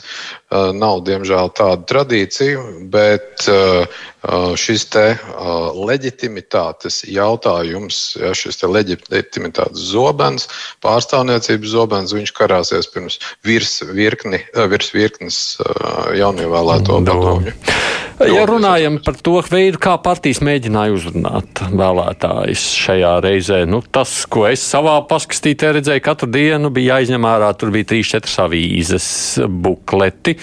Kaut kas notika tātad medijos, lielajos, kaut kas aktīvi notika sociālajos tīklos. Tās partiju spēja uzrunāt vēlētājus, kā tu viņu vērtētu? Es teiktu, ka um, izšķiroša nozīme ir um, teiksim, tām personībām, kas bija sarakstos. Es nedomāju, ka uh, milzīga loma tur ir kaut kādiem Facebook vai Twitter ierakstiem. Kurus viens vai otrs kandidāts uh, lika iekšā un tad nu, mēģināja kaut kādā veidā nu, tiem saviem 200 vai 300 draugiem paziņām. Uh, nu, teikt, izstāstīt, cik, cik viņš vai viņa ir, ir ļoti jauks. Uh, nu, jā, jā, it īpaši tas attiecas uz nu, kaut kādām tādām nu, nelielākām pašvaldībām, cik nu viņas vispār ir palikušas. Uh, tad, tur cilvēki salīdzinoši labi pazīst. Kurš ir darītājs, kurš nav darītājs, kurš ir vilcējs, kurš nav vilcējs. Un, uh, tas arī ir ļoti, ļoti nozīmīgi. Mēs esam sazvanījuši šobrīd jaunās konservatīvās partijas valdes priekšsēdētāja vietnieku Krišānu Feldmanu. Feldmaņa kungs, labvakar! Labvakar! Kādā veidā tad jūs mēģinājāt savu vēlētāju visvairāk uzrunāt, ja runājam par jauno konservatīvo partiju? Mm. Nu, ņemot vērā, ka vēlēšanas notika, vēlēšanu kampaņa notika zināmā mērā uh, pandēmijas apstākļos un uh, iespējas uzrunāt vēlētāju dzīvējā, dzīvējā režīmā bija ierobežotas. Tad, protams, mēs lielu, lielu uzsvaru likām uz sociālajiem tīkliem, arī uz um, poligrāfiskiem materiāliem. Uh, bet eh, tad, kad eh, valdība arī pieņēma lēmumu par to, ka zināmas aģitācijas aktivitātes ir pieļaujamas arī ārtelpā, tad centāmies visā Latvijā arī pilsoņus uzrunāt tieši šajās aģitācijas aktivitātēs ārtelpā. Tas rezultāts, kas rāda, ka tā vēlētāja aktivitāte ir bijusi salīdzinoši maza, tas jums. No, nu, šķiet, ka tā ir arī saistāms vismaz ar mēģinājumiem partijām kā, nu, pārliecināt savus vēlētājus nākt balsot.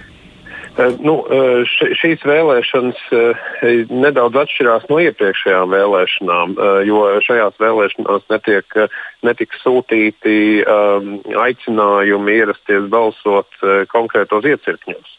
Uh, un, uh, protams, arī labā ziņa iedzīvotāji varēja balsot jebkurā iecirknī attiecīgajā pašvaldībā, bet uh, varbūt daudzi nemaz neuzzināja, ka ir vēlēšanas. Aizmirst ka ir vēlēšanas. Jā, tā arī var, varētu būt.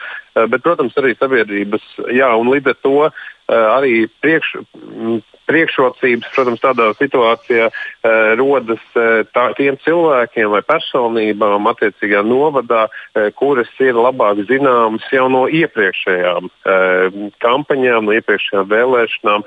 Un, uh, tas, tas varētu būt tāds blakus efekts šai šai, šajā, šīm vēlēšanām. Pēc kā jūs mērīsiet savus partijas veiksmi vai neveiksmi vēlēšanās? Mēs uh, pirmo, piedalāmies nu, lielākajā daļā, absolūti lielākajā daļā uh, novada 35, 4, 4 kopsaraksts, 31 ir savs saraksts.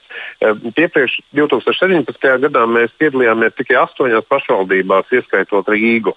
Un, uh, šobrīd var teikt, mēs piedalāmies pirmo reizi ļoti daudzās pašvaldībās, praktiski lielākajā skaitā. Un tādēļ, ja mūsu deputāti būs pārstāvēti šajās pašvaldībās kaut vai minimālā apjomā, mēs uzskatīsim, ka rezultāti ir labi. Un to mēs arī ceram redzēt. Nu, es, piemēram, ja drīkst tikai pavisam īsts komentāriņš, es skatos, nekas jau, protams, vēl netiek skaitīts, bet Jēkabils novadā, kur ir kaut kāds viens uh, iecirknis ar pārpa tūkstošu vēlētājiem, tā kā, nu, tā kā saskaitīts, tur jūs partijai, piemēram, ir pirmā vieta - 31,34%. Jums ir kaut kāds savs ātrais skaidrojums, nu, ko te jūs tur esat izdarījuši, kāpēc tiem jēkapiliešiem patika?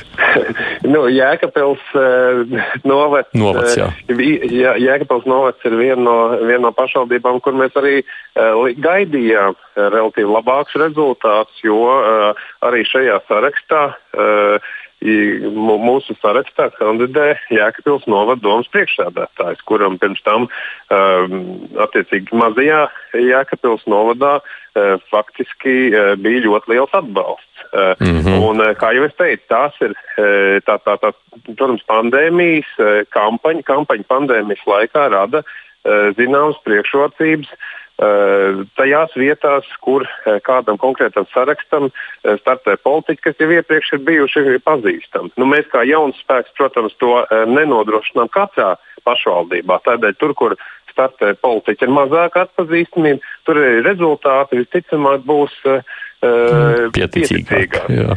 Paldies, Krišāns Feldmans, kurš ir jaunās konservatīvās partijas valdes priekšādātāja vietnieks. Tajā visā.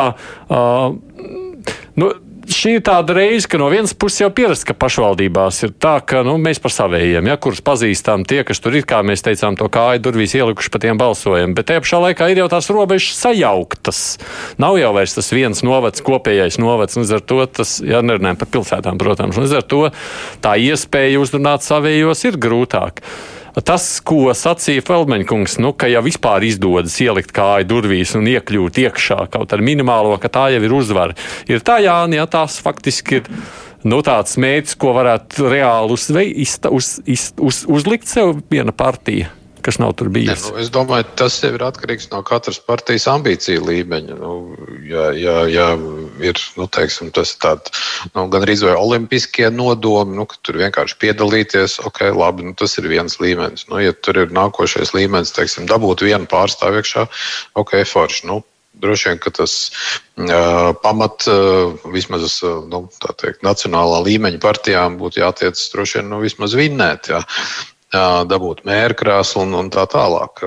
Bet, nu, kā jau es minēju, nu, ja, ja, teiksim, ja, ja partijas ambīcija ir dabūt vienu uh, deputātu mandātu, uh, un sarakstā ir teikt, pie, pie varas nu, pat bijušais vai faktiski vēl esošais. Nu, tur, teiksim, pilsētas vadītājs vai novada vadītājs. Nu, nē, nu, labi, tur viņš teica, ka tas drusku papietīgs. Tur būtu, pa, nē, nu, tur viņš neteica, ka tā, tā ir vispār tāda, bet nu, pats par sevi no otras puses nav slikti, vai ne, var likt reālus mērķus, nevis tur. Mēs paņemsim Latviju, bet zinu, ka tu neko nevar paņemt. Nu jā, un tie mērķi jau tiešām katrā vietā ir uh, specifiski bieži vien. Nu, ir tādas, runājot piemēram par to pašu jauno konservatīvo partiju, ko es pamanīju. Nu, viņiem ir viens jājam zirdziņš, aizklāpēsim ciet spēļu zāles. Uh, aizliegsim azartspēles pašvaldībā.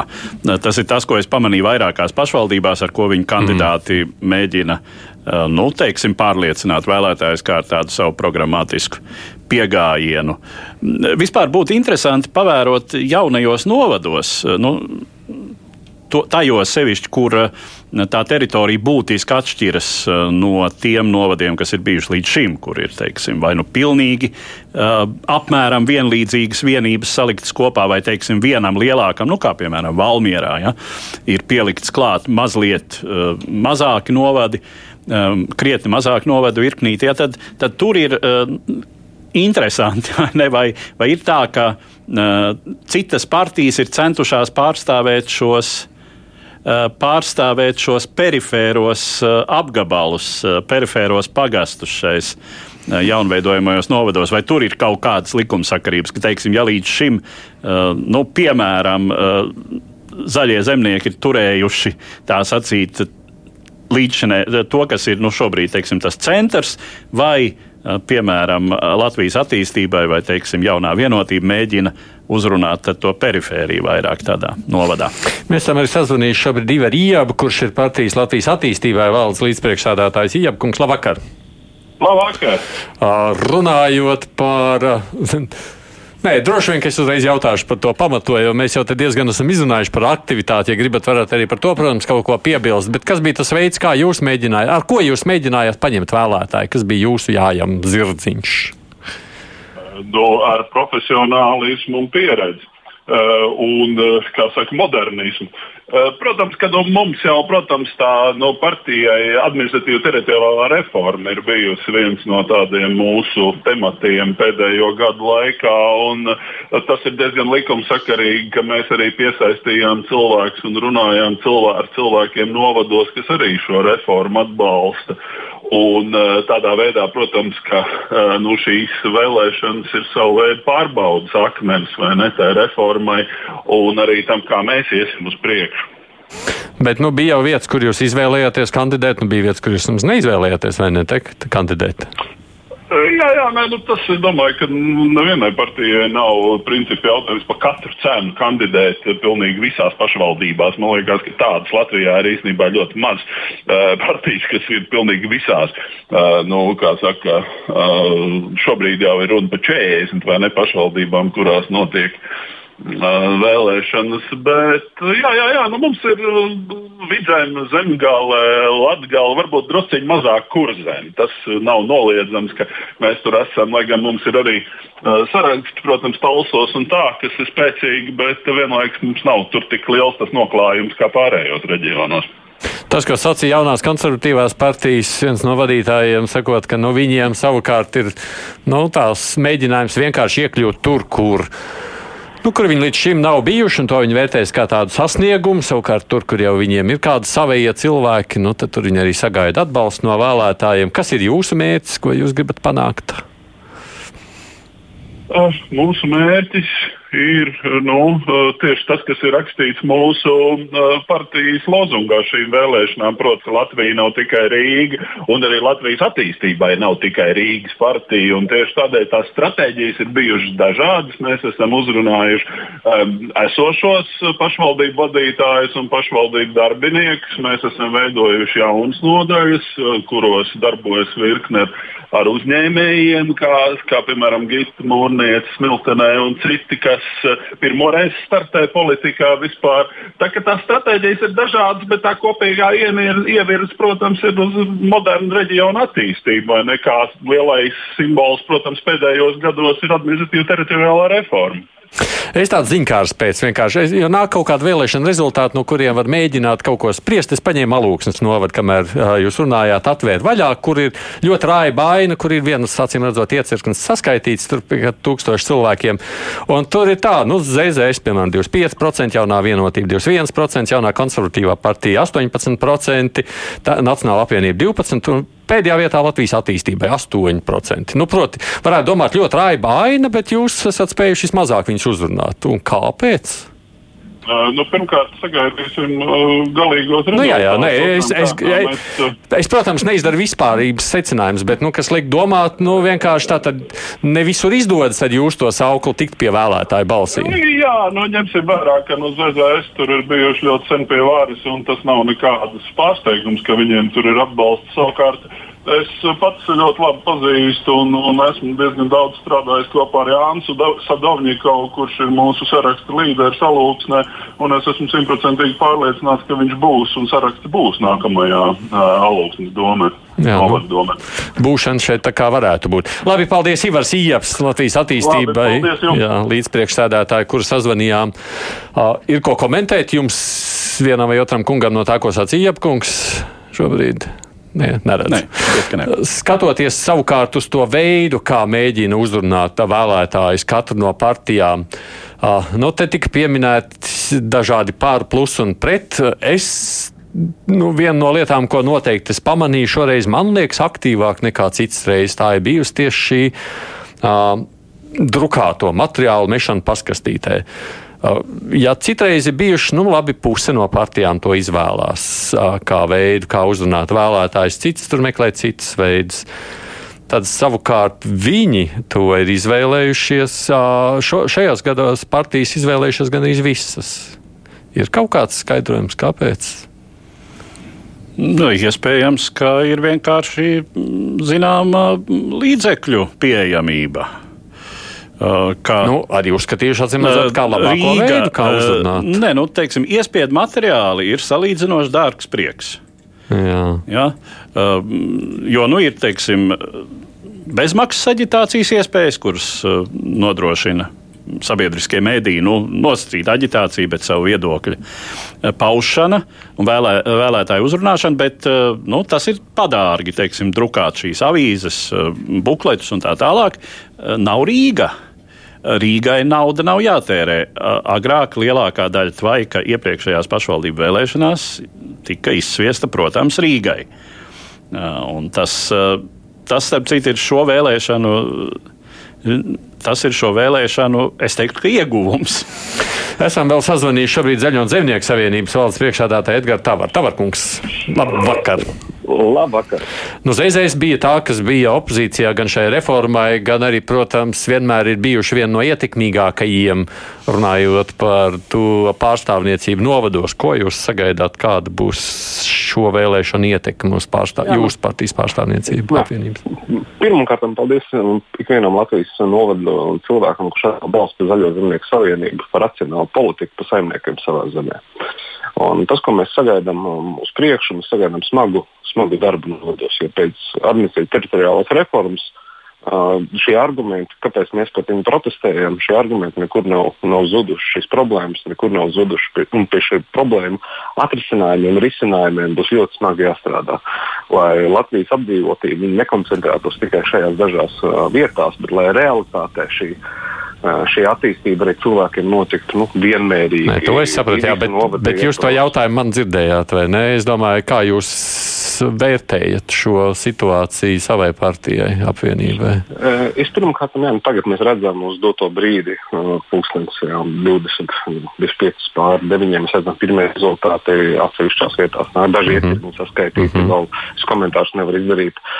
Tas, ko es redzu pēc šīs vēlēšana aktivitātes, kāda Manuprāt, pēc administratīvas teritoriālās reformas cilvēku ieskatā šī, šīs vēlēšanas ir attālinājušās no viņiem. Šis vietas ar ļoti daudziem vēlēšanu zīmēs, daudziem mazpazīstamiem cilvēkiem, kas nav bijuši iepriekš asociējušies ar pašvaldības darbu. Un plus, vēl, protams, nenolieksim arī visi šie, šie ierobežojumi, pandēmijas aspekti un tam līdzīgi. Tā kā nu, bet, es vēl nevaru komentēt rezultātus. Nu, tā, tas ir skaidrs, jā, bet jūs tā kā gribētu paredzēt, ka tie, kur, nu, ka, kur jums ir bijušas tas atbalsts, ka tas arī saglabāsies. Es domāju, ka cilvēki reģionos ir racionāli. Viņi spēj nošķirt graudus no palavām un darītājus no, no runātājiem. Un Edgars Tavars, paldies Zaļo zemnieku savienību. Skatoties, nu, vismaz arī no tiem pirmiem rezultātiem, kas nāk, liekas jau domāt, ka viss ir apmēram līdzīgi kā jau kā jau kā jau to varēja gaidīt. Jālgaus novadā es skatos Zaļo zemnieku savienību, jeb zemnieku savienība rulē, Dobels pusē rulē, nu, kas nozīmē tur, kur viņiem ir bijuši, pieņemsim, zemgalē tie, tie bastioni, tur jau arī turpināsies. Nevajadzētu nekam tā kā mainīties. Nu, kur mēs atkal runājam par to, ka vispārējie procesi valstī un tai, valsts politikas līmenī nu, tiem ir relatīva ietekme uz pašvaldībām. Un, uh, tur, kur mhm. pašvaldības vadītājiem šī reputācija, nu, acīm redzot, darītāja reputācija, ir pietiekami iestrādāta, tur tas arī ir faktors. Jā, nu, mēs tā, kad iesākām šo pusstundu, jūs teicāt, ka tur vajadzēs tādu nopietnu izpēti, kas ir ietekmējis šo vēlētāju rez, uh, zemo aktivitāti. Cik nopietni varētu arī spriest par to, kādā veidā vispār partijas var vai, nes, vai spēja vai nespēja uzrunāt savus vēlētājus, lai viņus pārliecinātu? Vai tas jau ir aizgājis uz tādu inerci? Un tur nemaz tādu kādā ziņā uz, nu, uzrunāt savus vēlētājus. Nu, kā jau mēs teicām, šis... dabūt viņus pie Nē, nē ba balsot tieši par viņiem, nu, par, par sevi. Nu, jaunā konservatīvā partija mēs tiedām, tad, noliks mazāku mērķi, Latvijas attīstībai lielāku mērķi. Nu, katram jau ir kaut kāda savu mērķi. Kas strādā, kas nestrādā? Es domāju, ka pašvaldību līmenī strādā veiktspēja, strādā konkrētie līderi. Un, un šeit nu, tā, tādai ideoloģijai, partiju programmā ir, manuprāt, drusku mazāk nozīme. Un, un savukārt nu, tie vēlēšana rezultāti nu, jau tomēr atspoguļo šos te, komponentus. Jā. Vai vai tur skaidrs, ka tagad pie tik zemes līdzdalības ieguvēji būs tās politiskās partijas, kurām ir šie līderi. Visticamākais ieguvēji būs tie, kuru sarakstos ir iepriekšējie uh, domju vadītāji vai varbūt kaut kādi izpildu direktori, nu, kaut kādi redzami personāži, jā, ku, uz, uz, uz kuriem vēlētāji aktīvāk reaģē. Mm. Nu, un vēl jau viena lieta, ko droši vien šajā reizē eh, atšķirībā tas ir tīri tā tehniski, pat no tāda šī vakara skatu punkta nevar spriest. Jo, ja mēs runājam par kādu novadu, kas līdz šim bija viena teritorija, tad vienā vēlētāja balss ir saskaitīts. Un tas novads tā ir plašāks. Ja tā būs otra teritorija, kur bija cita partija populāra, tad visticamāk tur būs atkal cits rezultāts, pēc kā mēs spriedīsim. Bet no, tas, ko es atzīstu Centrālās vēlēšana komisijas priekšsēdētāji, ka ir jāuzklausa sociologi un politologi, uh, lai noskaidrotu noskaidrotu, kā tad mazināt to balstiesīgo apātiju un nevēlēšanos iedziļināties, kuri nepiedalās. Es domāju, ka šeit ir vienreiz jābeidz uh, parazitēt uz sociologiem un politologiem, uz to, ko viņi ir kaut kādā veidā izdarījuši. Vienkārši valstī ir jāpaskatās uz to, kā valsts pati sevi organizē, un beidzot ir jāsāk rūpēties par demokrātijas veselību. Jā, ir vienkārši jāizveido nopietna mm. pētnieciskā programma. programma. Latvijas Universitātes profesors Jānis Ikstens, paldies Jāni par iesaistīšanos. Mums vienkārši tā priekšā ir ziņas, un tad mēs turpināsim šeit jau ar sarunā studiju ar citiem cilvēkiem. Pašvaldību vēlēšanas jaunajos novados kā vietvaru politiķi risinās problēmas izglītībā, veselības aprūpē, infrastruktūrā un citur analizē raidījums Krustpunktā. Ir joprojām Aits Tomsons un Edvards Lidiņš šeit studijā. Pūkstens strādā pāri pusē desmitiem, un vēl mums ir saslēgusies Dace Krejere no zaļas pļavas. Spriežot pēc visas, sveika Dace. Kur Sveiks, Aits, sveiciens no Pāvilos. Pāvieši gribēja prasīt, kurā zaļā pļavā tu sēdi šajā brīdī. Ja runājam par, par noskaņojumu, kā izskatās no kurzemes krasta, kā šīs vēlēšanas ir bijušas? Es esmu tev gatavs stāstīt par Dienvidkurzemes novadu. Tas ir jauns uh, novads, kas tagad pēc vēlēšanām taps. Uh, tajā ir apvienojušies astoņi uh, novadi. Tie, tie visi, kas apkārt liepājai, jā? Ja? Jā, apkārt Liepājai, un tas būs pēc, tātad būs lielākais novads Latvijā pēc reģionālās reformas. Mm -hmm. Un, līdz ar to, protams, vēlēšanas varētu teikt ir pagājušas šajā apvienošanas zīmē, jo, protams, ka astoņi novadi tas ir daudz, pie tam tā ir atšķirība gan ekonomiska, geogrāfiska un, un iedzīvotāju ziņā ir lielāka un mazāka novadi. Un līdz ar to, protams, tas bija tāds, varētu teikt, tas pats, eh, manuprāt, izšķirošais tam, kā, kā, kā šīs vēlēšanas norisinājās. Uh, sazvanījos ar CVK Dienvidu kurzemes novada atbildīgo, uh, un viņi pastāstīja, ka vēlēšanas noritējušas mierīgi, ir bijuši divi starpgadījumi. Vienā ir viens vēlētājs atteicies lietot masku, otrā ir ieradies uz iecirkni cilvēks, kas bija deklarēts citā vietā, bet, nu, tātad salīdzinoši mierīgi, bet aktivitāte ļoti ļoti, ļoti zema. Šajās vēlēšanās piedalījās tikai viena trešdaļa, no, uh, viena trešdaļa mazāk nekā iepriekšējās. Un līdz ar to nu, balsis soli saskaitīt ātri, būšot jau ap 11. pusnakti, bet nu, līdz ar to tādā, arī šajā tādā mazās aktivitātes gaisotnē arī šīs vēlēšanas aizritēja. Arī tad, kad es pati gāju balsot uz iecirkni, tad tiešām nebija ne rindā jāstāv.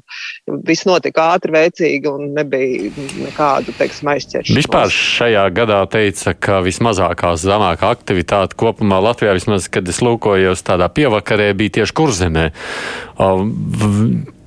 Tas iemesls ir kaut kā skaidrs, kāpēc kurzemnieki šoreiz tik ļoti kūtri. Es to varu skaidrot, kā nu, tas mans viedoklis, un mans arī novērojums, un runājot šeit ar uh, vietējiem iedzīvotājiem, tas tiešām ir šī reforma. Jo, man liekas, arī jau kāds no iepriekšējiem viesiem minēja, ka šīs vēlēšanas, vēlēšanas ir attālinājušās no vēlētāju, un to varēja arī novērot šeit. Tad, tad uh, bija astoņi saraksti, pietiekami liela konkurence uz 19 deputātu vietām, 6,5 man liekas uz vienu vietu. Tad, tad gribētāji daudz, bet tas, kas šeit vēlētājiem, ka ļoti, ļoti daudz cilvēku, protams, šajos sarakstos nav zināmi. Arī, piemēram, Pāvilostā šajās vēlēšanās vairs nekandidēja Pāvilos domas priekšsēdētājs, un, manuprāt, bija tikai kādi četri deputāti no sasaukuma. Līdz ar to šeit, piemēram, Pāvilostā no šiem ļoti daudziem kandidātiem izvēlēties, kurš tad būs tas, par ko es balsošu, nebija. Un arī, nu, teiksim, arī, protams, ka šeit nav šis partijas balsošana, jo vairāk cilvēku meklēja uzvārdus, pazīstams uzvārdus sarakstos, par kuriem balsot. Un arī tas, tas, tas, par ko balsot, bija par to, kā mm, tātad, eh, lai šī, šī, šī balss pārstāvētu jau tālāk novadu un tās manas intereses. Un līdz ar to apvienoties lielajam novadam, gan Pāvilostā, gan Vaņodē, gan arī Rucevā, viss runā par to, ka mēs esam kļuvuši par nomali, un cilvēkiem būtiski bija tātad atrast to balsi, kas pārstāvētu viņu sev jaunajā novada domē. Un līdz ar to arī tas novērojums ir, ka cilvēks sarakstos meklējuši šos cilvēkus, kas pārstāv tieši viņu novadu, svītrojot ārā citus, tādējādi cenšoties tā kā, atdot to balsi. Bet eh, es pieļauju, ka tas arī ir iemesls, kāpēc ļoti, ļoti daudz cilvēku arī um, izdevās uz vēlēšanām, jo nu, teiksim, tā neskaidrība, par ko te balsot, ja šajos sarakstos neatrodot jau, jau esošās pašvaldības kādas pārstāvis. Es vēl turpināšu sarunu ar tevi, bet redziet, tā sanāk, ja tu apsties, oi, nevienu nepazīst, nu, pēc kam neej vispār balsot. Nu, tā mēdz notikt, jā. Tas ir diezgan loģiski, lai gan, nu, protams, ja ir, nu, teiksim tā, šie lielākie novadi, nu, tā ir neizbēgamība tik mazas un arī tik dažādas tomēr savos izmēros vienības, kādas tās bija pēc iepriekšējās reformas. Manuprāt, tā bija nejēdzība un uh, politisku manipulāciju, augsne politiskām manipulācijām. Uh, šis sadalījums ir nepārprotami loģiskāks no ekonomiskā viedokļa, no pārvaldes viedokļa, no efektivitātes viedokļa. Uh, ar to, ka nu, jā, geogrāfiski kāds šobrīd nonāk liela novada perifērijā, eh, kāds ir tuvāk centram, eh, tā ir neizbēgamība. Bet eh, es teiktu, tā, ka nu, partijas jau mēģināja šajās vēlēšanās arī ar savu vēstījumu to, to problēmu to problēmu tā uzrunāt. Tā tad nevelti šajās vēlēšanās, manuprāt, visbiežāk pieminētais vārds debatēs bija eh, ceļu infrastruktūra, ceļi. Uh, transports, infrastruktūra. Uh, otrais uh, varētu būt medicīna. Ja? Nu, tātad tas, kas cilvēkiem ļoti konkrēti rūp un kas, ko varētu ietekmēt šī atrašanās tuvāk, tālāk no centra. Tagad tas bija motīvs, ko partijas centās nu, likt pie sirds vēlētājiem, lai arī jūs nesat tuvu centram, mēs jūs neaizmirsīsim. Mēs jūs, mēs jūs neatstāsim novārtā. Cik tu vari pateikt, Daci, par situāciju tajās divās lielajās pilsētās, kas neapšaubām ir, kur zemē tā ir Liepāja un Vēnspils? Liepāja vispirms runājot, tā, tur taču laikam nekas būtiski neizskatās, ka varētu mainīties. Ne? Jā, nu, par, par Vēnspili es tev nemāku pateikt, bet par Liepāju, jā, ka Liepāja šobrīd, nu, vismaz šī vēlēšana kampaņa Um, arī salīdzinot ar iepriekšējo reizi, bija ļoti, ļoti mierīga, korekta. Gaisa notika tādā ļoti tādā, teiksim, korektā jā, gaisotnē, un arī šie solījumi bija tādi, kas nu, pašvaldībai reāli izpildām. Tur netika bārstīts nekas tāds, kas nav izdarāms. Un, uh, tad uh, Liepājā startēja septiņi saraksti, trīs no tiem jau šobrīd strādā Liepājas domē. Un uh, Liepāja, protams, uh, ir interesanta uh, lielajām partijām ar to, ka tā ir gan ekonomiski šobrīd augsto, au, augoša un plaukstoša un visādi citādi pievilcīga, bet um, Liepājnieki ir apmierināti ar esošos pašvaldības darbu, tā kā līdz ar to Liepājā tādu, nu, teiksim, būtisku pārsteigumu es domāju, ka nebūs. Lai gan, ja, Eduards, Liepāja bija tā, kur šī bija viena no tām retajām vietām, kas Latvijā nav tā pārasta pārāk pierasts, ka partijas pēc vēlēšanām sadala. Nu, tad pāris gadus es būšu mērs, pāris gadus tu būsi mērs. Nu, Liepājā tas notika. Uh, tāda interesanta aina. Es skatos, šobrīd, es, nu, protams, tikai viens iecirknis saskaitīts pār pa 500 balsīm, nu, kur Liepājas partija rulē 42%, nu, tad otrie reģioni, kas bija tā otrā partneru daļa, nu, tiem ir gandrīz uz pusi mazāk 26% tajā vienā konkrētajā vēlēšana iecirknī. Uh, nu, tāda, nu, tāda dalīšanās ar varu vēlētājs nebaida? Jā, nu, eh, Liepāja iespējams te ir um, viens faktors, kas turpmāk, starp citu, varētu nospēlēt arī tajā pašā savu lomu, tajā pašā Daugopilī. Nu, tā ir attālinātība, salīdzinoša attālinātība no Rīgas uh, un uh, salīdzinoša pašpietiekamība. Uh, kā liels, mm -hmm. salīdzinoši no Rīgas tāls centrs, kura uh, attīstībai iespējams un, un uh, to nākotnē arvien uh, vairāk būs uh, no svara kāda pārrobežu sadarbība iespējams ja, ar, ar, ar Lietuvas Klaipēdas, Palangas apgabalu, uh, nu, tāpat kā Daugaupils. Nu, Daugaupilī ir problemātiskāk tas, ka, ka viņi līdz šim ir diezgan daudz meklējuši sadarbību ar Baltkrieviju cita starpā, ja? um, kas šobrīd ir. Do, mm. baidos, ka neperspektīvs virziens.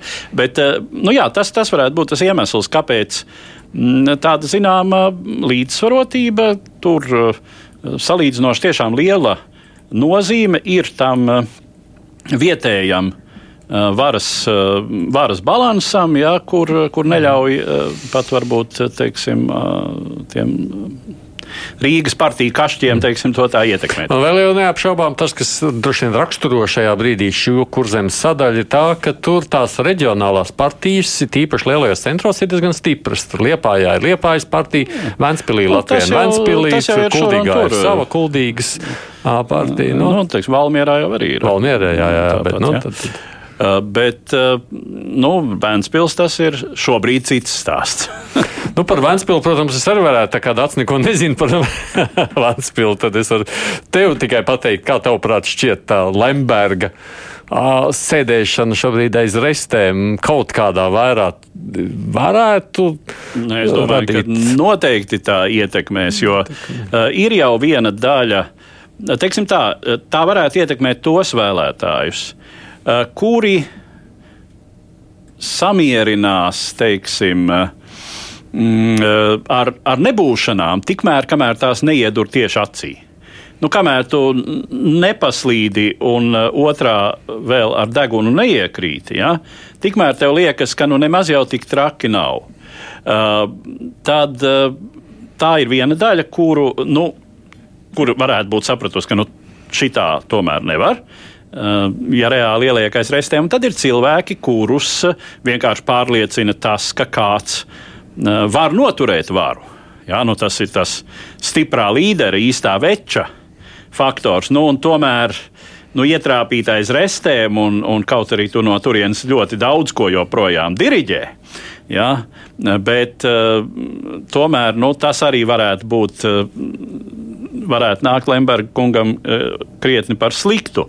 Nu, nerunājot par visu to, ja, kas, uh, kas, kas tur tiešām ir, ir, ir tā problēma apakšā, vai ne? Un ka šis, nu, šis bija tāds. Uh, modelis, kuru tur mēģināja īstenot, teiksim, uzbūvēt Latvijā tādu mazu autoritārismu oāzīti. Nu, tie, tie cilvēki, kas šobrīd ir pret, tātad potenciāli nu, tie, kuri, kuri gribētu Latvijai un Ventspīlī to varu paņemt nost. Nu, viņi par to, viņi, tiem, protams, tas ir galvenais motīvs. Nu, lai gan mēs redzējām, nu, tā tad visas iepriekšējās vēlēšanas mazliet jau tā popularitāte tā kā samazinājās, bet, nu, lai teikt, ka Latvijā un Ventspīlī varētu pazust viņu ietekme, tur es domāju, nekas nē, nē, nu, tā ietekme ir pietiekami, pietiekami stingri būvēta. Uh, un tā nav arī tas, ka tā nav tīri politiska ietekme. Protams, uh, tur ir administratīvais resurss, tur ir, uh, tur ir droši vien arī finanšu sviras un, un teiksim, nu, vispār pazīšanās proporcionāli, proporcionāli tai varai un ietekmei, kāda Lemberga kungam vismaz pagātnē ir bijusi. Tā Vēnspils, kas viņam šobrīd ir jānotur, eh, tas ir salīdzinoši tā ir viņa mērogiem, vismaz kādreizējiem mērogiem, ir samērā sīka vienība. Tā ka par uh, pār to rezultātu. Nē, nu, tur vēl nebūtu nav skaidrs, vai Vitoļņa kungs neturpinās rullēt un, Jā, saņemt, un saņemt joprojām instrukcijas no centrāla cietuma kameras. Nu, tas būs tāds, tā, es nezinu, es laikam nebūtu priecīgs dzīvot pilsētā, kur de facto vada cilvēks, kurš sēž aiz restēm. Nu, tev, tu esi labi. Jā, nu es, es, esmu, es, esmu, es esmu naivs liberāls. Jā. Tā, Dace, vai tev vēl ir ko piebilst, vai mēs sakām tā tev? Tev varbūt vēl kādas ziņas nu, ir interesantas katrā ziņā nepacietību gaida rezultātus. Redzēsim, kā, vai kāds no Pāvilos pārstāvis būs lielajā dienvidu kurzemes. Nu jā, tur jau arī taisnībai ne. Tur ir pilnīgi šobrīd uh, mērs pateicis, ka viņš vairs nekandidēs. Līdz ar to tur grib vai negrib, bet cilvēkiem jāmeklē kas cits. Paldies, Daci, Daci Krejeri, kur mēs sazvanījām no kurzemes vai sazinājāmies no kurzemes, skatoties uz visu. Es tikai vēl piebilstu, pirms mēs tālim slēdzamies klāt, ko viņš tur ir saklausījis uh, sociālos tīklos skatos, man liekas, ka no visa pat kurzem runājot, tieši visinteresantākais varētu būt tas saldus novads, kur es redzu visdažādākās balsu sadalījumu. Tur katrai partijai varētu būt līdzvērtīgs balss. Man liekas, vienmēr interesantāk tur, kur tā vara nevis tik ļoti koncentrējas vienas partijas rokās, bet kur nāks meklēt kompromisus, vai tā nav? Nu, tur, kur tiešām nākas meklēt kompromisus, tas var šķist ķēpīgāk, bet um, tā jau ir tā demokrātijas lielā priekšrocība. Tā ir būtībā demokrātijas pirmā un galvenā priekšrocība, ka ir jāmeklē šie kompromisi. Jā. Labi, Tā, vai tālis eipurs ir kaut kur dzirdams, redzams, nedzirdams kā vienmēr? Ir, ir. Jā, tāli izstāsti, ko tagad ļaudis raksta šajā laikā. nu, to ēterā tur nu, tā plaši, kā žurnālists viedokli nevar paust, bet Twitterī gan tu esi izteicies. Es atļaušos citēt. Tas bija sen. Aidis raksta, lūk, klausieties, jā, nebrīnīšos, ka šīs būs vēlēšanas ar zemāko līdzdalību. Tas jau bija pa dienu, tiešām, jā. Tik nedrošu izvēli līdz šim nebija nācies veikt. Nav ne jausmas, ko no šīs dienas vēlēšana rezultātiem varēs secināt. Nu, tagad jau tie secinājumi nedaudz uh, precīzāki, tiesa gan visai skarbi skatoties kaut vai to pašu Jāņa Iksteni sacīto. Bet, uh, nu, Vladimirs Aiskājs mēģina analizēt Twitterī iespējams pie vainas uh, tam, tai aktivitātei, kāda ir šobrīd, ir divi faktori. Tas, ka Rīgā vēlēšanas jau notika, šķiet, ka Rīgas vēlēšanu aktīva atspoguļošana, debates, skandāli, nu, deva kā, tādu, viņš lieto vārdu draivu, nu, tas varētu būt tādu grūdienu visai Latvijai, veidojas saiknis starp vēlētājiem, partijām un to līderiem. Nu, un uh, iedzīvotāju reakcija uz reģionālo reformu. Tas ir vēl viens apstākļis, uh, ko viņš piemin. Iespējams, tas ir tikai viņa pieņēmums. Noteikti arī Covid ietekmē viņš raksta uh, publisko pasākumu nesamību un līdzīgi. Jurģis Liepnieks šeit piebilst, ka šo vēlēšanu 34% ir salīdzināmi ar 40% Rīgas domas vēlēšanās pagājušo gadu, īpaši ņemot vērā, ka Rīgā dalība vienmēr ir bijusi pašvaldībās lielāka vēlēšanās. Nu, jā, aktivitāte ir par dažiem procentiem zemāka. Galvenais ir iemesls - lielās Rīgas kampaņas neesamība. Arī šeit šo faktoru min šīs Twitter lietotājs. Nu, jā, Jānis Ikstenis šodien arī ir tvītojis, viņš gan jau studijā visu pateicis droši vien, bet vēlāk tā aktivitāte pulksten 12. viņš to tajā brīdī secināja un jau prognozēja, ka tā varētu būt jūtama zem 50%.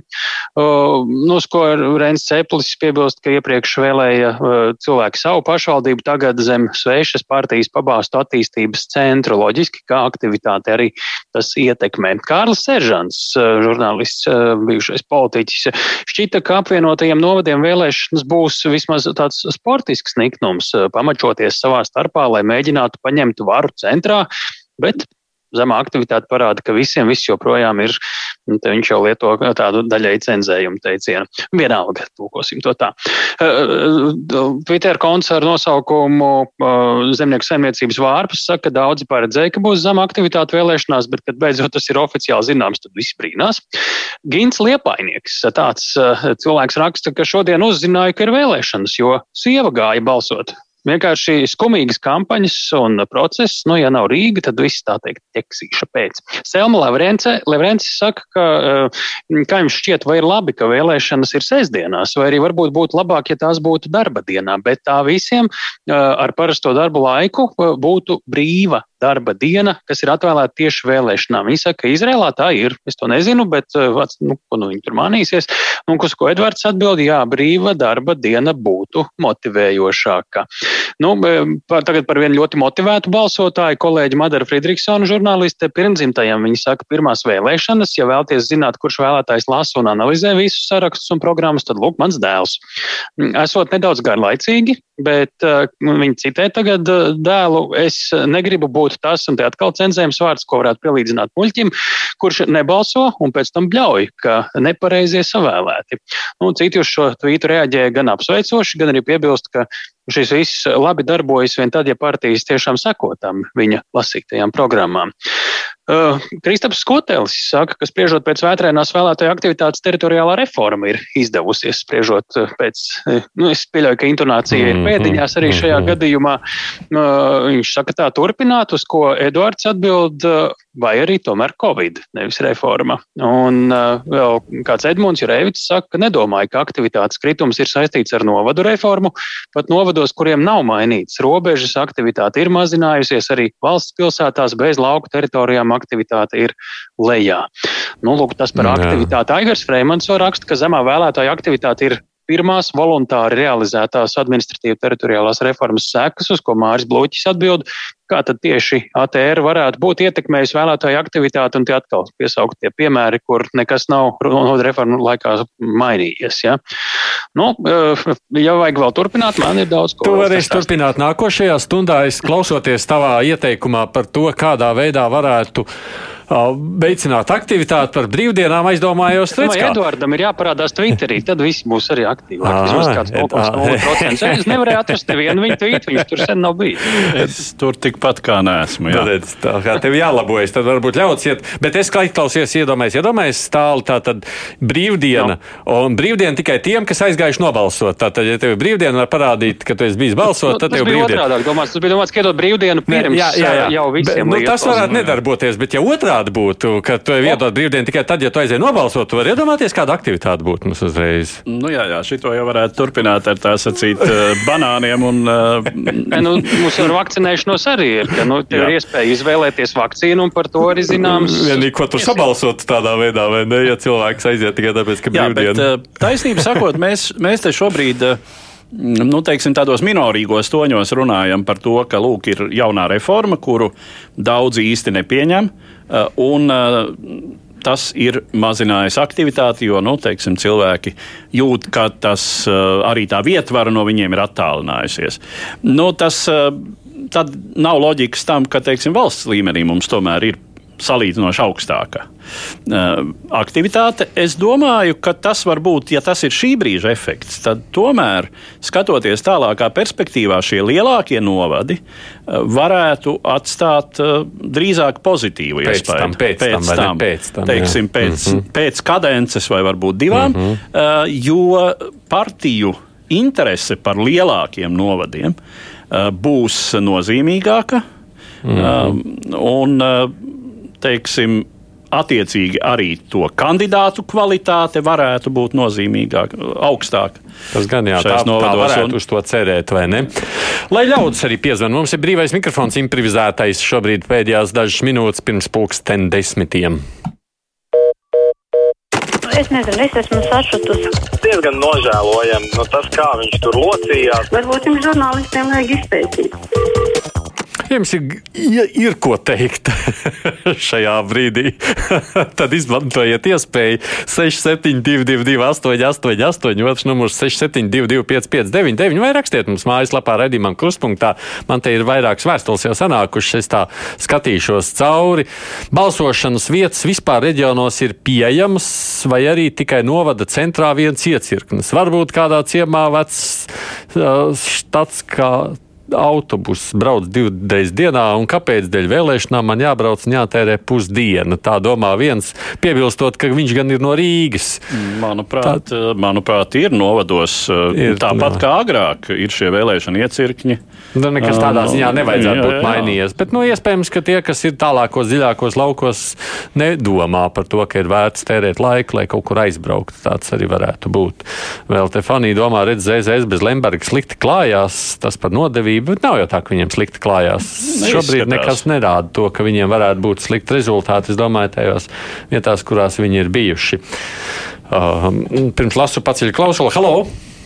Labvakar. Labvakar. Es domāju, un es esmu daudz dzirdējis no cilvēkiem, ka uz vēlēšanām neiet, tāpēc, ka notiek pašvaldībās šausmīga krāpšanās, zakšana, un neviens jau netiek tiesāts. Kaut ko valsts kontrole atrod, kaut ko knāb, un beigās tas izčāks. Bet tad jau vajag iet, lai mainītu. Bet, diemžēl, kā, ziniet, kā cilvēks saka, ej, vēlē, cik gribi, atkal nākošie ir iekšā un dara to pašu. Nu, mēs jau te pārnājām, vai ne? Šis ir tāds nu, teiciens, kas ir rulējis vienmēr Latvijā. Nē, nu taisnība ir, ka, teiksim, cīņa ar korupciju sākās tomēr, nu, šajā gadījumā no tās galvas. Mm. Jā, un valsts līmenī to, nu, vismaz tā Tā man šķiet. Ja. To salīdzinoši ir izdevies izskaust pašvaldības, nu, kā to liecina Rīga. Palika šai ziņā tā leknā teritorija, kur varēja ganīties cilvēki ar attiecīgu ievirzi. Un, bet nu, mēs redzam, ar ko tas ir beidzies Rīgā un Ventspīlī. Un atkal jāsaka, lielākas pašvaldības mazāk šī administratīvā proporcionāla aparāta. Kā zināms, tur deputātu skaits šobrīd mazinās, ievēlēto deputātu skaits visnotaļ jūtami. Mm -hmm. Tā tad tas viss padara vieglāku kontrolēšanu, un es domāju, ka arī tās problēmas nu, tādām vismaz vajadzētu būt. būt jā. mazināsies. Augusts saka, ir skaidrs, ka visu būtiski ietekmēja šādu faktoru. Partijas nespēja tieši uzrunāt sabiedrību, Salīdzinot ar Rīgu ļoti augsts infekcijas līmenis, kas Latvijā rindos starp līderiem, un netika piedāvāts simtprocentīgi droši balsošanas risinājumi. Arī Šveicē, kad sāka referendums, nebija tradīcija, taču ar kaut ko ir jāsāk. Tas tāds piebildi par referendumiem. Nu, es gan nezinu, vai Covid bailes ir tās, kas šajā brīdī varēja atturēt no iešanas uz iecirkni. Varbūt uh, bailes dažos gadījumos. Dažos gadījumos varbūt nevēlēšanās uh, likt masku lieku reizi. Nu, manā gadījumā, piemēram, vispār bija ārā. Es tur gāju balsot, tur ir pagalms liels, kur tu ienāc nekādā telpā, nekur nav jāiet. Viss notiek tur patās svaigā gaisā. Ir tāda nojumīta uzlikt, ja nu gadījumā lietas līd, bet lietas nav līdz šajā nedēļā. Nu, kas nu zini? Ei, nu zini, kā nu raksta savukārt šādi man. Es biju balsot, lai arī man ir dārsts un negribēju iet, bet devos uz vēlēšanām. Mani vecāki arī vienmēr izpildīja savu pilsoņu pienākumu. Tas ir nihilisms. Neiet un nevēlēt. Man ir kauns par to. Tāda ļoti apzinīga klausītāja. Par ko var tikai uzslavēt. Tā ir ļoti pareiza pilsoniska pozīcija. Jā. Savukārt Niks raksta šādi gadi skrien un daudz lielāka vēlēšana aktivitāte būtu bijusi, ja vismaz pašvaldību vēlēšanas notiktu retāk. Reiz sešos, septiņos gados nodokļu maksātā, maksātā ietaupīt, jo taču lielākā daļa deputātu tāpat domēs sēž gadu desmitiem. Nu, nezinu, gan. Nu, man liekas, ka tas ir pierādījies visā pasaulē, ka nu, tā, tas cikls 4 līdz 5 gadi ir uh, optimāls. Um, Vairāk, 6, 7. Tas, tas jau ir aizdomīgi. Tas jau, tas jau uh, negribētu. Nu, tā, nu, tā, ne, nu, tā, tā iesēdēšanās varā tomēr ir, ir jājūt diezgan noteikti tā Pagaidi. iespēja. Pats ir vēl klausuli, halo!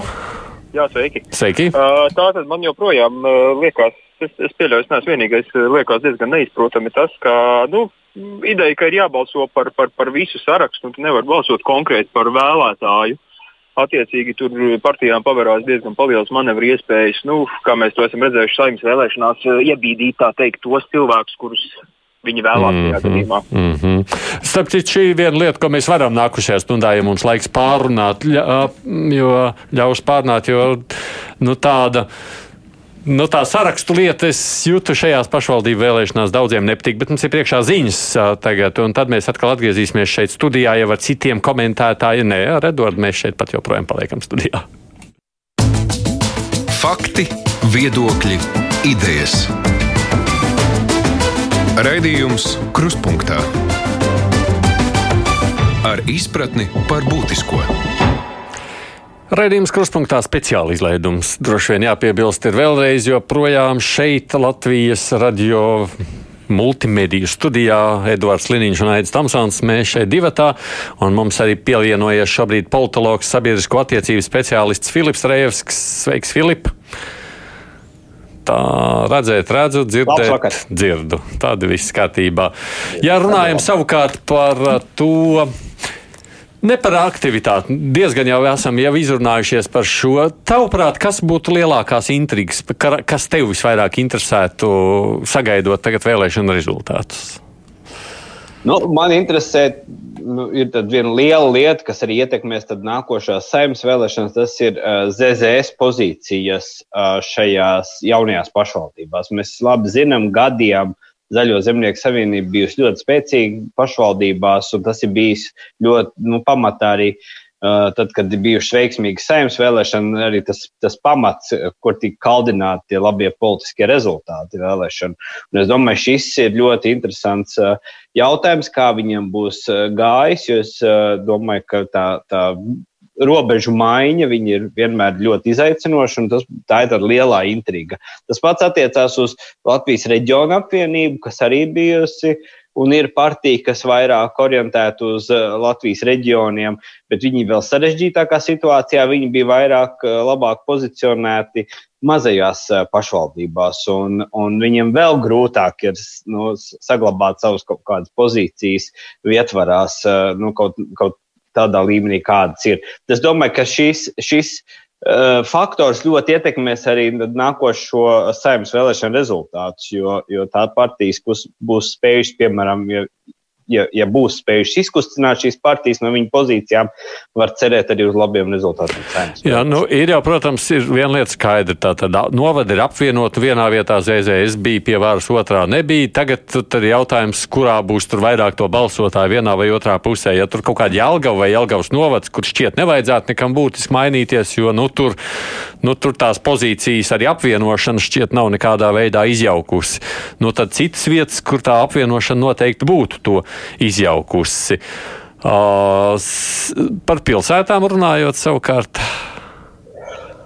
Nu, par pilsētām runājot, es domāju, ka pats par sevi ir interesants tas, kas notiek Daugaupīlī. Ja tur vienmēr viss kas interesants notiek, tur ir tāda dinamiska, dinamiska politiskā, politiskā vide. Ļoti interesanti, kas notiks, ja cēsīs, jo cēsīm pievienoja ļoti lielu, nu, salīdzinoši lielu skaitu ar pie, ap, apkārtējās pašvaldībām. Un tas varētu ļoti ietekmēt uh, nu, to varas līdzsvaru cēsīs. Tas varētu būt ļoti interesants uh, moments. Uh, protams, interesanti ir uh, pavērot liepāju, kur nu, mēs redzējām, nu, ja mēs skatāmies no pagājušo vēlēšanu rezultātiem, ļoti interesanta uh, sadarbība starp divām populārākajām partijām, ka viņas uz pusēm pārvaldīja pilsētu. Divus gadus viens mērs no vienas partijas, divus gadus no otras partijas mērs, kā viņiem ir gājis ar šo modeli. Jo tas tāds nu, nav parasts modelis, kā tiek pārvaldīts pilsētas un kā sadarbojas politiskās partijas. Tāpēc, kā viņiem būs veicies, tas būs arī ļoti interesants uh, rādītājs. Kas tev, Edvard, uh, vislielākā intriga šķiet? Ne, nu, man interesē Vēnspils situācija. Vai um, tiešām Lemberga kungs turpinās vadīt de facto šo pilsētu. Jūrmala, nu jā, Daugaupils mm. jau piesauktā. Un nu, tālākais varbūt pat attiecas ne tik daudz uz konkrētiem vēlēšanu rezultātiem, bet to, kā tad šīs varas novados funkcionēs, kā izdosies, teiksim. Uh, Mm, nu, tas, kas, ir, kas lielā mērā arī ir vēlēšanās solīts, ja, tad mēs neaizmirsīsim perifēriju. Mums visi novadiedzīvotāji būs vienlīdz svarīgi un tā tālāk. Mm, jo nu, tam ir ļoti liela nozīme tomēr, kā šī reforma sevi pierādīs. Nu, protams, neko nevar spriest. Tie ir tikai pāris tūkstoši saskaitīti no, droši vien no tiem, kas nobalsojuši. Te varētu būt kāda desmitā daļa, bet tie, kas ir aizgājuši uz Daugopilu, no tiem viena desmitā daļa no tiem, kas ir šodien balsojuši, 42% balsojuši par saskaņu un pārējos krietni atstājot lejā. Vai tas būtu interesanti, ja saskaņa spētu pārņemt beidzot Daugopilu, par ko kādreiz daudz runāja tad jau likās, ka tas ir gandrīz vai nu, obligāts no priekšnosacījums, un tad redz, kādā brīdī tas ievilkās. Nu, iespējams, iespējams, ka tie varbūt nospēlē savu lomu. Tomēr tas uh, etniskā balsojuma faktors, ka Rīgu mums atņēma, tagad mēs mēģināsim, mēs Krievu vai krieviski runājošie vēlētāji, mēģināsim atgūt šīs pozīcijas tad Daugaupīlī. Nu, kas to zina? Jā, paskatīsimies, tas jau vēl. Vēl par Daugaupīli nav īsti skaidrs. Savukārt, runājot par partiju intrigām, jeb, jeb skatu no tāda partijiskās uh, uzvaras, tur ir vērts kaut kādu intrigu meklēt, Filipu, domājot par to, kurai partijai labāk, kurai sliktāk, izņemot zēzēs. Jā, nu man, Jā, man ir vēl, vien, vēl viens interesants moments, pavērojot eh, to, kā tika veidotas priekšvēlēšana apvienības pie, nu, pa Latviju kopumā, nesaucot konkrēts piemērs, var redzēt tādu tendenci, ka jaunā konservatīvā partija ir bijusi vairāk saurupāka. Vi, jo, jo mēs skatāmies, nu, kas tik ar ko nav krustojušies un veidojuši kopējas apvienības, bet jaunā konservatīvā partija lielākoties startē pati ar saviem sarakstiem. Un tas ir no vienas puses, ja ir labi rezultāti, tas ir, nu, labs, nu, tas ir labs ieguvums priekšpolitiskās partijas, ka viņi paši spēj. Nu, bet no otras puses, tas ir ļoti liels risks, jo apvienības parasti ir attraktīvākas un apvienībās ir vieglāk iegūt, iegūt vārdu. Tādēļ šīs būs arī moments, kas būs ļoti interesants. It īpaši, ja mēs ņemam vērā to, ka jaunā koncertīvā partija ir lielākā frakcija esošajā valdošajā koalīcijā. Tas ir arī viens tāds mazais faktors, ko var pavērot un ko būs interesanti arī apspriest. Nu, es, piemēram, no tāda skatu punkta lūkojos uz Rēzekni, kur nu, man liekas, ka nekas neapdraudētu droši vien saskaņas iespējas. Tur, protams, saskaitīt arī tikai ļoti minimāli, varbūt pat viena divdesmitā daļa no visiem, kas ir gājuši balsot saskaņai. Tur ir pie 70%, nu, kas tur varētu būt gaidīts bijis, bet nu, no tām partijām, kas uh, tur tiem pieciem sarakstiem bija, nu, viena lieta ir apvienotais paraksts, kur tiešām Nacionālā apvienība, Zaļā partija, Jaunā vienotība, Reģiona apvienība, Latgals partija, nu tādas uh, savākušies. Nu, viņiem ir tas otrais, varētu droši vien arī, ka būs tas otrā vieta. Tur ir 14% tikai no tā mazā skaita, kas ir bijuši. Un trešajā vietā ir jaunā konservatīvā partija šobrīd ar 8,5 procentiem. Nu, mēģinājums sist tā, tādu, tādu, tādu. Nu, jā. Jā. Un jaunai konservatīvai partijai nu, ir vairāki šie jājām zirdziņi. Protams, um, tas uh, galvenais varbūt motīvs ir uh, iepriekšējo eh, darītāju izvērtīšana, tātad korupcija, iespējamās korupcijas likvidēšana, izskaušana. Nu, tas ir tas, ar ko arī jaunā konservatīvā partija startēja iepriekšējās saimnes vēlēšanās pirmām kārtām. Nu, tā, tā arī starp citu, starptautiskajos komentāros tika raksturota kā pirmkārt antikorupcijas. Viņi nekur īpaši neminēja, ka tā būtu. Ka tā būtu uh, Eh, primāri konservatīva, eh, bet gan tā ir primāri antikorupcijas partija. Hmm. Ja savukārt runājam par eh, tādām nu, tā pierīgas daļu, tur, tur tās. Tur tā lielā politika spēlē lielāku lomu, Filipa, vai arī tur, tavuprāt, tas ir tikai tāds nu, vietējo pazīšanās jautājums? Nu, nezinu, kaut kā parasti tieši nu, pierīgi tas ir interesanti, ka viņi ir ekonomiski ļoti svarīgi. No, tur ir daudz cilvēku. Bagātākās pašvaldības samaksāt, Latvijā. Jā, tur ir bagātākās pašvaldības, kuras dalās vēl ar citām pašvaldībām savos ienākumos. Tur it kā, un tepat laikā tā uzmanība vienmēr pierīga ir mazāka. Nu, tagad, protams, īpaši izpelnījās uzmanību Ādaža un, un, un Carnikovs novada nu, jau, jaukās attiecības. Nepaspēja pat tik līdz vēlēšanām, kā jau savā starpā saecējās. Bet, bet, bet kopumā es domāju, ka priekšpolitiskām partijām uh, ietekme pierīgas pašvaldībās tas ir ļoti svarīgi, jo tur ir liela resursi, tur ir daudz vēlētāju. Un, uh, tur var sevi parādīt. Tur nav, nav tik sarežģīti sevi parādīt, ja nekā, piemēram, pašvaldībā, kur ir nabadzīga. Bet, bet eh, nu, es, es domāju, ka tās kampaņas un tas varas iegūšanas veids, kāds notiek pierīgas pašvaldībās, tas ir ļoti lokāls kampaņas. Te ir nu, varētu piekrist uh, tev, Aidi, ka tas ir tāds, no, zva, kurš ir piezvanījis vairāk saviem kaimiņiem, draugiem un radiniekiem, lai viņi aiziet uz vēlēšanām nobalso par viņu.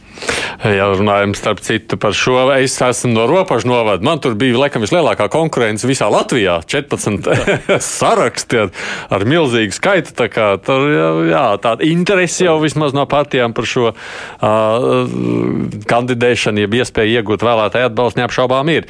Esam sazinājuši šobrīd Mārmu Žvilo par nu, KPV iepriekš par cilvēcīgu Latviju, laikam tagad būtu pareizāk jāsaka, vai ne pārstāvi. Labdien! Um, labu vakar jau drīzāk. Pareiz, jā. Es nezinu, jā, tās, jā. tās stundas, kurā brīdī no labdien uz labu vakar pāriet, bet nu, labi. Tā varētu būt, jā. Kā jums izskatās iespējas vai cerības tikt pie kāda vēlētāja atbalsta? Kā jūs paši novērtējat to? Labas. Pēc kā spriežat?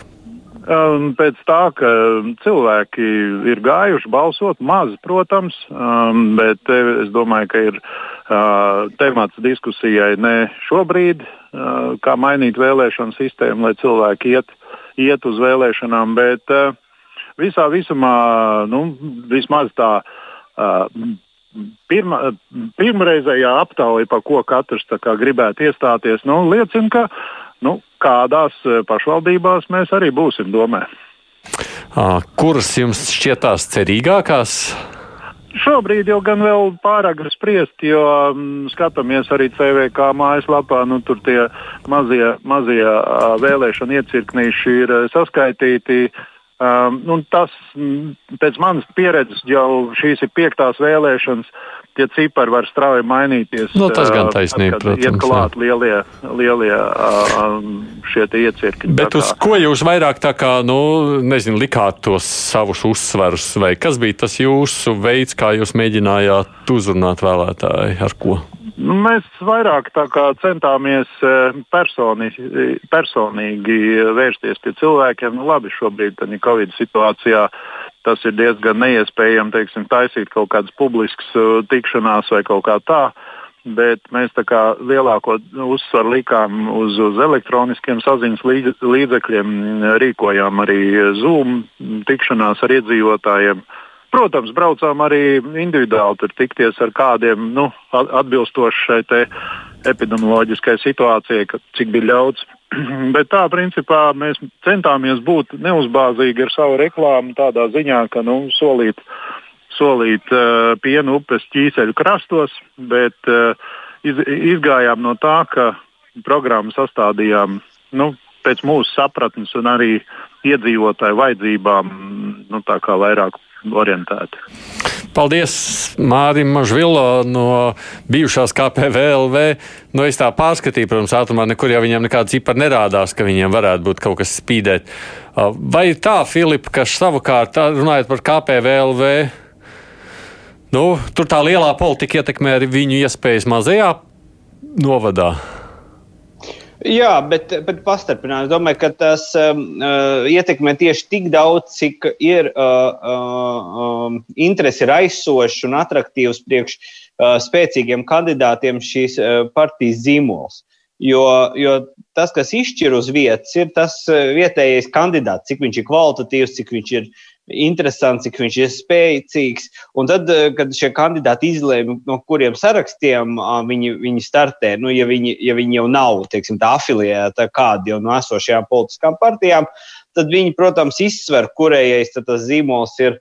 Attraktīvāks. Un es negribētu teikt, ka KPV zīmols šobrīd ir tas, kurš raisa lielu interesi, kur gribētu cilvēki ļoti pie, nu, sasaistīties, lai pēc tam nākotnē darbotos šajā partijā Nu jā, ja, ja, ja acīm redzot, es pieļauju kaut kādai jaunā konservatīvā partija arī būtībā lielā mērā, nu, izņemot varbūt tajās vietās, kur viņiem bija kāds savs cilvēks, un lielā mērā balsto, balstījās uz to, ka tā viņu. Nu, lielā politika varētu kādam vēlētājam patikt arī pašvaldībā. Tieši tā, tieši tā, un viņu zīmols šai ziņā. Nē, nu, tā, jāsaka tā, nu, jaunā konservatīvā partija sevi tomēr laikam ir pierādījusi kā salīdzinoši stabilu, dzīvotspējīgu spēku. Mm -hmm. nu, Pirmkārt, tāpēc, ka jaunā konservatīvā partija tomēr meklē sev ideoloģisku piesaisti, ideoloģisku nu, pamatu. Ideoloģi. Mm -hmm. atšķirībā no KPVLV, kas nu, ir tiešām populismu tīrradnis. Uh, un populisms tas ir tāds viņš teica, ka, ne, viņš teica, ka viņi ļoti pārdomājuši, lai nesolītu piena ķīseļu kalnus. Nu, es runāju par lielo politiku un par to, kā viņi startēja iepriekšējās saimnes vēlēšanās, kāda ir viņu vispārējā politiskā platforma. Viņi tādi mainījušies, labojušies. Nu, iespēj, jā, nu, iespējams, nav jau izslēgts. Nav izslēgts, ka tur kaut kas no tā paliks pāri un turpinās pastāvēt. Bet uh, nu, nav salīdzināma šo divu partiju veiksme Hmm. Uh, valsts līmeņa politikā, es domāju, tas ietekmē arī šo līmeni. Šo līmeni. Mēs esam sazvanījuši šobrīd Latvijas reģiona apvienības valdes priekšādātāju Edvards Miltēns. Miltēna kungs, labvakar! Sveicināti, labvakar! Runājot par uh, jūsu partiju un tās perspektīvām, Filips Rievskis teica, ka viņam tā šķiet viena no lielajām intrigām, ko viņš grib redzēt, kā šī apvienošana un reforma būs ietekmējusi jūsu iespējas un ietekmi. Kā jūs pats prognozējat? Nu, pagaidām ir redzami provizoriski rezultāti, tāpēc, ka tiek skaitīts balss un pirmie nāk iekšā mazie iecirkņi. Es redzu ļoti labus rezultātus mums apvienotajā Limbaģa novadā. Jā, tur tiešām rādās ļoti labi. Es uh, jūtu, ka mums ļoti labi veiksies Liepājā, Liepājas mēra Jāna Vilnīca. Mums uh, katrā ziņā Madonā mums uh, ļoti labi uh, gulbenē, ļoti cienījams rezultāts. Uh, Pierīgi noteikti ir uh, tie novadi, kur mēs uh, vēsturiski esam visspēcīgākie. Uh, vēl daudz rezultātu nav ienākuši. Es redzu šobrīd pēc provizēriskiem rezultātiem, ka tas smagais darbs, ko mēs esam paveikuši no neveiksmes saimnes vēlēšanās, kas bija liela mācība, reorganizējot pilnībā partiju, kļūstot par, no sešām organizācijām par vienu veselu, uzņemot simtiem jaunus biedrus un, un jaunus talantus, aicinot un beigās šobrīd uzliekot jau Rīgas vēlēšanas, protams, pa vidu veiksmīgs starts un vicemēra pozīcija. Un šobrīd uzliekot gandrīz 80% pārklājumu Latvijā ar 31 sarakstu, es redzu, ka beidzot tas sācis ir nestāvams. Mēs kļūstam par tādu ļoti eh, spēcīgu nacionālu mēroga, stabilu politisku organizāciju ar ļoti labu perspektīvu saimnes vēlēšanām nākamgad. Bet tas uzsvars tomēr būs uz darbu reģionos, vai tomēr jūs pamatā skatāties ar nākotni, nu, kā saka, galvenais mērķis saima? Mēs, mēs no reģionālas partijas faktiski caur eh, šīm vēlēšanām, kas ir bijušas gan Rīgā, pierādot, ka tā nav tikai eh, partija, kas ir reģionos, bet mēs arī galvaspilsētas atslēgas ieguvām. Mēs šādā veidā kļūstam par pilnu spektra, stabilu, prognozējumu politisko spēku uz lielās politiskās skatuves ar ļoti augstu ambīciju jau arī tā skaitā ne tikai reģionos nostiprināties, bet arī ienākt uh, nacionālā politikā, atgriezties faktiski atpakaļ saimā ar pilnīgi citu jaudu un, un, un atgriezt arī varbūt tādu uh, saimā gan, gan politisko kultūru un, un šīs tradīcijas, jo 13. saima daudz ko ir degradējusi. Vēl tikai pabeidzot sarunu ar jums, faktiski jūs sakāt, ka viens no tādiem veidiem, kā jūs mēģinājāt šo savu darbu realizēt, ir uh, uzrunāt vietējos pazīstamos aktīvos cilvēkus un viņus iesaistīt partijā. Nu, jāņem vērā to, ka Latvijas reģiona apvienība vēsturiski ir bijusi viena no lielākajiem reģionālajiem spēkiem un ar daudz mēriem, vicemēriem, mēs jau vēsturiski vadām pašvaldības gadiem. Un, uh, mums ir tātad esošie pieredzējušie līderi, un mēs uh, esam gandrīz pusi aicinājuši, meklējuši jaunus talantus, jaunus, spēcīgus cilvēkus, kas ir pierādījuši, parādījuši arī novados ar iniciatīvām un aicinājuši un iekļaujuši viņu sarakstos. Izskatās, ka tas ir bijusi pareiza stratēģija. Bet Limbažos jums tur ir nomaiņa arī vajadzīga. Bet Limbažos jums tur ir savējais, jau ir. Jā. Nu, Limbažos mums ir Salasgrīvas, šobrīd vēl Salasgrīvas mērs Dagnis Straubergs, un tā skaitā arī no pašiem Limbažiem ļoti daudz redzami, cienījami un talantīgi cilvēki, kas ir sarakstā. Un tas, tas, tas ir novērtēts sabiedrībā. Sabiedrības atbalsts ir acīm redzams. Paldies, Edvards Smiltēns, kurš vada Latvijas reģiona apvienību. Nu, redz ļoti pozitīvi, Filipi, ja tā optimistiski noskaņots politiķis ir par savu nākotni. Tas ir normāli. Visiem politiķiem jābūt optimistiem. Viņiem taču savu, savu preci jāslavē. Tas ir normāli. Tas ir normāli. Bet, tas, Bet es domāju, jā. ka viņiem arī tas, kas, tas, kas tika minēts, no tāpat Liepāja Uh, tas pats Salzgrības bijušais vadītājs, tagad jaunā novada kandidāts Dagnis Straubergs, tie jau ir ļoti pieredzējuši politiķi. Viennozīmīgi tas tie jau nav jaunpienācēji. Tāpēc būtu brīnums, ja viņi nespētu arī kaut ko izdarīt, jo viņiem diezgan laba reputācija uz vietas. Ko tu domā, Edvards, par reģionu apvienību kā tādu nu, lielu arī nākotnē politisko spēlētāju saimā? Nākamā vēlēšanas ir redzams, Miltēna kungs tēmē. Jā, nu, iespējams, jautājums ir par uh, ideoloģiju. Uh, jo man tā kā īsti skaidra nav. Ja? Uh, jā, uh, man ir jāsāk domāt, nu, kāda ideoloģija tad šī partija īsti pārstāv, kur tai tradicionālajā politiskajā spektrā ir tās vieta. Nu, šķiet kaut kur centrā, ja? bet vai centrā drīzāk tuvāk zaļajiem zemniekiem, kas tad nozīmētu, ka nu, Pirmkārt, Zemnieku savienībai, kas nozīmētu dublēšanos, un uh, tad ir jautājums, kādas ir izredzes šai ziņā, vai tomēr uh, tuvāk nišai, kas ir uh, jaunā vienotība, Latvijas attīstībai. Vispār tā vieta, kur viņi varētu sevi atrast, ir diezgan blīva. Blīva gan, jā, nu taisnība viņš arī nāk no jaunās vienotības. Bet kamēr mēs vēl uh, ir, man šeit Filips uh, šajā kruspunktā specializētumā, laikam pēdējais no politologiem, tad jāizmanto to iespēju komentētājiem lielajiem.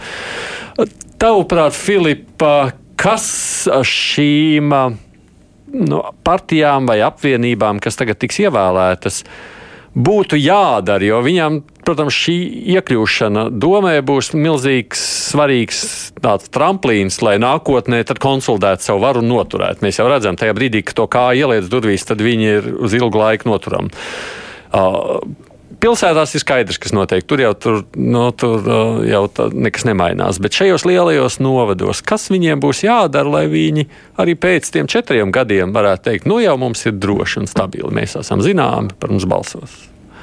Nu, pirmā lieta, kas četros gados pazudīs, būs tas uh, reģionālisms. Jo šobrīd šajās vēlēšanās ir tas moments, kad vēl var būt daudz, nu, kas strādā, tas faktors. Nu, tad nobalsosim par savu bijušā novada cilvēkiem, lai mēs esam pārstāvēti lielajā novadā. Mm. Uh, es domāju, ka tas, tas izzudīs šo četru gadu laikā. Uh, Un tas, kas viņiem būs tas lielais uzdevums, nu, ir, ir sasolīts tomēr no nacionālā līmenī, ka apvienošanās rezultātā novadi būs bagātāki, stiprāki. Nu, īsāk sakot, ir piesolīti diezgan ķīseļu upes, ir ķīseļu upes. Un tagad viņiem sanāk tā, ka solīja ķīseļu upes saimā un, un uh, vidas reģionālajā ministrijā, bet tagad šiem cilvēkiem, jaunievēlētiem, būs jāpiegādā šīs ķīseļu upes saviem vēlētājiem.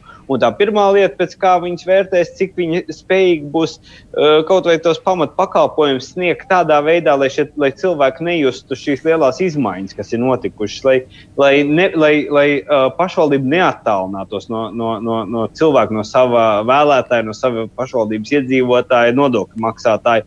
Un šis uzdevums būs numur viens, un ja viņi spēs šo vienkāršo un tāpat laikā ļoti sarežģīto uzdevumu realizēt, tas ir nu, konsolidējot un iegūstot no tās konsolidācijas visu labumu priekš saviem iedzīvotājiem, tad jau viņi varēs teikt, ka jā, mēs varam droši skatīties uz nākošajām vēlēšanām.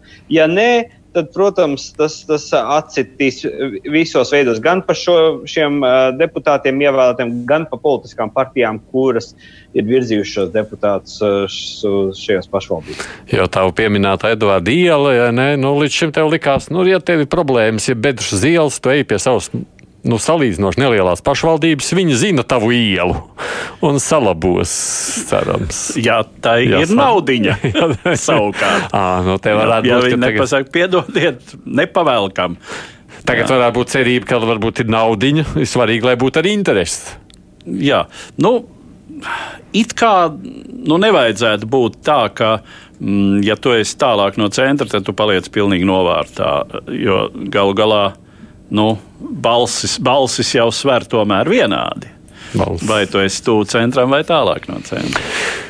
Labi, Filipa, paldies tev par iesaistīšanos šajā vakarā, vai nu jā, vēl vakars tomēr, vai ne? Iesaist uh, programmā mums politologs, sabiedrisko attiecību speciālists Filips Rajevskis. Mums uh, vēl šajā nākošajā pusstundā būs saruna vēl ar uh, kādiem no reģionāliem žurnālistiem. Pārlūkosim, kāda tā situācija ir. Un tiešām pirmās vēlēšana rezultāti nāk iekšā.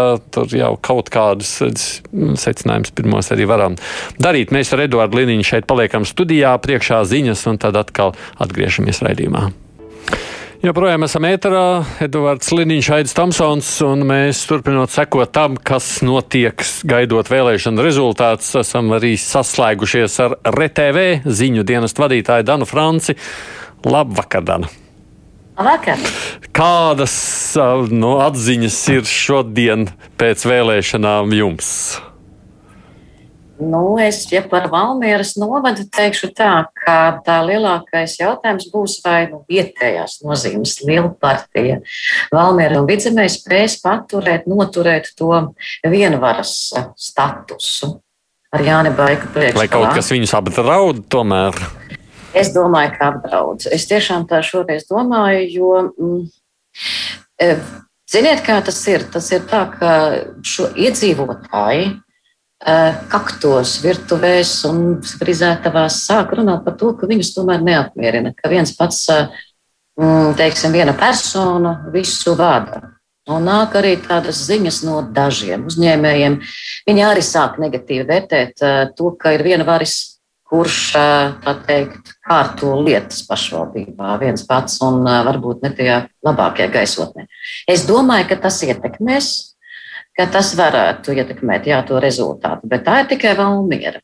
Ja skatās tādā plašākā Valmieras novadā, te ir jautājums, vai tās citas partijas, vai viņas ir spējušas tiešām, kā jūs jau kolēģi runājāt studijā, ir spējušas uzrunāt citus tos vēlētājus, nu, pievienoties un doties uz vēlēšanām un stāstīt savu viedokli. Un es teiktu tā, ka patiesībā politiķu vēlme parādīt sevi, stāstīt par sevi bija ārkārtīgi vāja. Nu, piemēram, Valmierā bija nu, pāris vizuālie stendi ar dažām partijām. Nu, un viens kravas autobus, kurš, kur, kurš izlīmēja partijas līderus, nu tad lēni braukāja apkārt. Tas arī viss. Nu, jā, paskatīties vēl dažas avīzes. Bet patiesībā sakot, man ir tāda aizdoma, ka arī politiķos radusies šī sajūta, līdzīgi kā vēlētājus neiet uz vēlēšanām. Jo viņu attieksme pret vēlētāju bija aptuveni tāda, ai, nu, tie lielie jau dabūs, ko tie mazie priekš kam es došos un cīnīšos un stāstīšu. Savukārt tie lielie, bet nu, par ko tu vēl, ja ne par mani. Respektīvi, es mazliet tāda vienaldzīga, riebīga, es pat teiktu, attieksme pret vēlētājiem runā par to, kā partijas runāja ar mani ar vēlētāju. Tas tā par Valmieru. Mm, mm, interesants tāds skatījums. Uh, nu, es tā vispār skatoties kopumā uz to ainu, kāda ir vidzemē, piemēram, tas, kas man ir Li, nu, varbūt liekas vairāk nekā citur. Kaut gan droši vien, ka ne citur. Ja vēl citās vietās es saprotu, ka partijas ir mēģinājušas apvienoties, lai nu, nostātos pret kādu. Nu, pieņemsim, tur Reizeknē mēs pieminējām, vai ne? Tur uh, viss partijas gan izvai savienojušās, lai mēģinātu stāvēt pretī saskaņai, un tikpat praktiski neveiksmīgi, varētu tā sacīt. Tad vidzemē ir tāds partiju jū, tāds eh, interesants apvienības veidojās. Es nezinu, kā lai viņas to nosauc. Partijas, kuras nešķiet, ka vienmēr sadarbojas kopā. Tur, tur Nacionāla apvienība kopā, pieņemsim, ar Zaļo zemnieku savienību, reģiona apvienība ar Zaļo zemnieku savienību kopējais saraksts. Jaunā vienotība. Jaunā vienotība vai ne kaut kur. Jā, jā nu tādas, tādas ļoti interesantas tās uh, kombinācijas ir. Kāds skaidrojums, kāpēc tā? Es, ja par Valmieras novadu runāju, tad es domāju, ka viņi mēģina, mēģina izsist beņķi apakšā zem Valmiera un Bidzemē. Mm -hmm. Es prognozēju, ka tādēļ arī ir veidojās vis visādas kombinācijas. Un rezultātā es domāju, ka, ja, ja, ja prognozē, cik nu var, tad es domāju, ka vai kam nāksies Vidzemē un Valmierai, Valmiera Vidzemē, nu, rēķināties ar vēl diviem politiskiem spēkiem, ar kuriem nāksies uh, pabūt tā teikt koalīcija. Tad, tad mazināsies ambīcijas.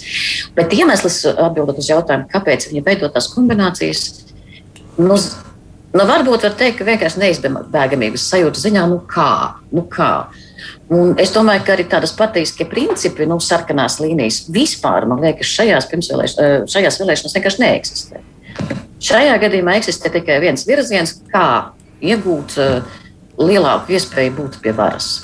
Jo cēsis ir līdzīgs stāsts. Rīkst. Jā, nu, ne, nu, Edvards, tavā skatījumā, nu, ne, ne jau tikai arī opozīcija, arī pozīcija, piemēram, Ogrē tāpat uh, zināmais uh, sadaļa tur ir uh, ZZS kopā ar Nacionālo apvienību. Nu, viņi ir tie populārākie. Nu, līdzīgi mēs te jau pieminējām dažas citas vietas. Tur, ne, tā, nu, tā, tas ir skaidrs, ka tas politiskais resurss tomēr šais novados ir, ir salīdzinoši neliels. Un, eh, nu, tieši tā, nu, nu, kur tu liksies, ja tu zini, ka tev pretim ir neizbēgami spēcīgs spēlētājs, nu, kas teiksim, ir šī vietējā partija, uh, jā, tā tad novada partija. Nu, tad, eh, jā, tad tie, kuri saimā varbūt ir gatavi viloties un, un tā sacīt, pie nu, viena, jā. teiksim tā, pie, pie viena galda nesēžās, ja? jā. tad, eh, tad lūk, tur eh, neko darīt. Nu, ir šai politiskajā gultiņā kopā jāsaguļ. Nu jā, un beig beigās eh, pat tā, kas ir lielajā politikā pozīcija un opozīcija, šķietam. Tā nu, beig beigās. Jā, tieši, tieši tā. Nu, Tāpat. Tā kā. Jā.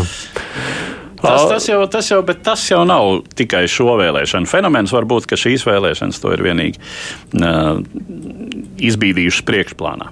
Jā, skatoties savukārt uz uh, to, ko, tā, ko no tām pagašstējības novadu, arī pilsētu nu, vispār vadītājiem varētu sagaidīt. Uh, Dana, kā jūs prognozējat, kas tad būs tajos nākošajos gados tas lielais nezinu, mēģinājums, kā viņi to savu popularitāti noturēs? Nu, ja par to pašu novadu runā, Valmieras novadu runā, es domāju, ka Baigs ir pierādījis sevi pietiekoši labi, lai tātad vicamiem Valmierai viņi ir labi sev pierādījuši. Viņi vienkārši veidos koalīciju ar tiem, kas ir nu, par rokai. Es pieļauju Nacionālā apvienība, Latvijas Zaļā partija ir tie, kas, ar kuriem viņi nekad nav īpaši strīdējušies.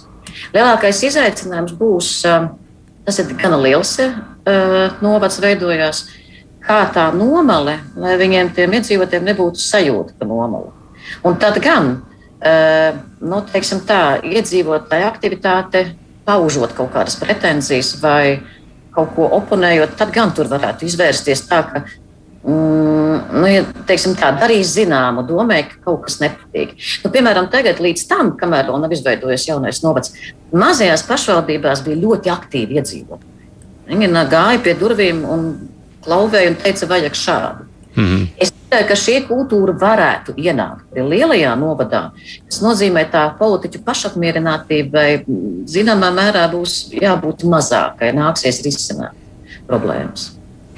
Kā tu domā, Edvard, kas būs tas? Nu, to es jau teicu, ka manuprāt, tas uh, efekts tālākā perspektīvā būs pozitīvs tam, ka šie novadi ir lielāki. Un, uh, Un, tā, tad, un tā perifērija, nu, teiksim, proporcionāli lielākā novadā vienkārši ir grūtāk koncentrēt varu.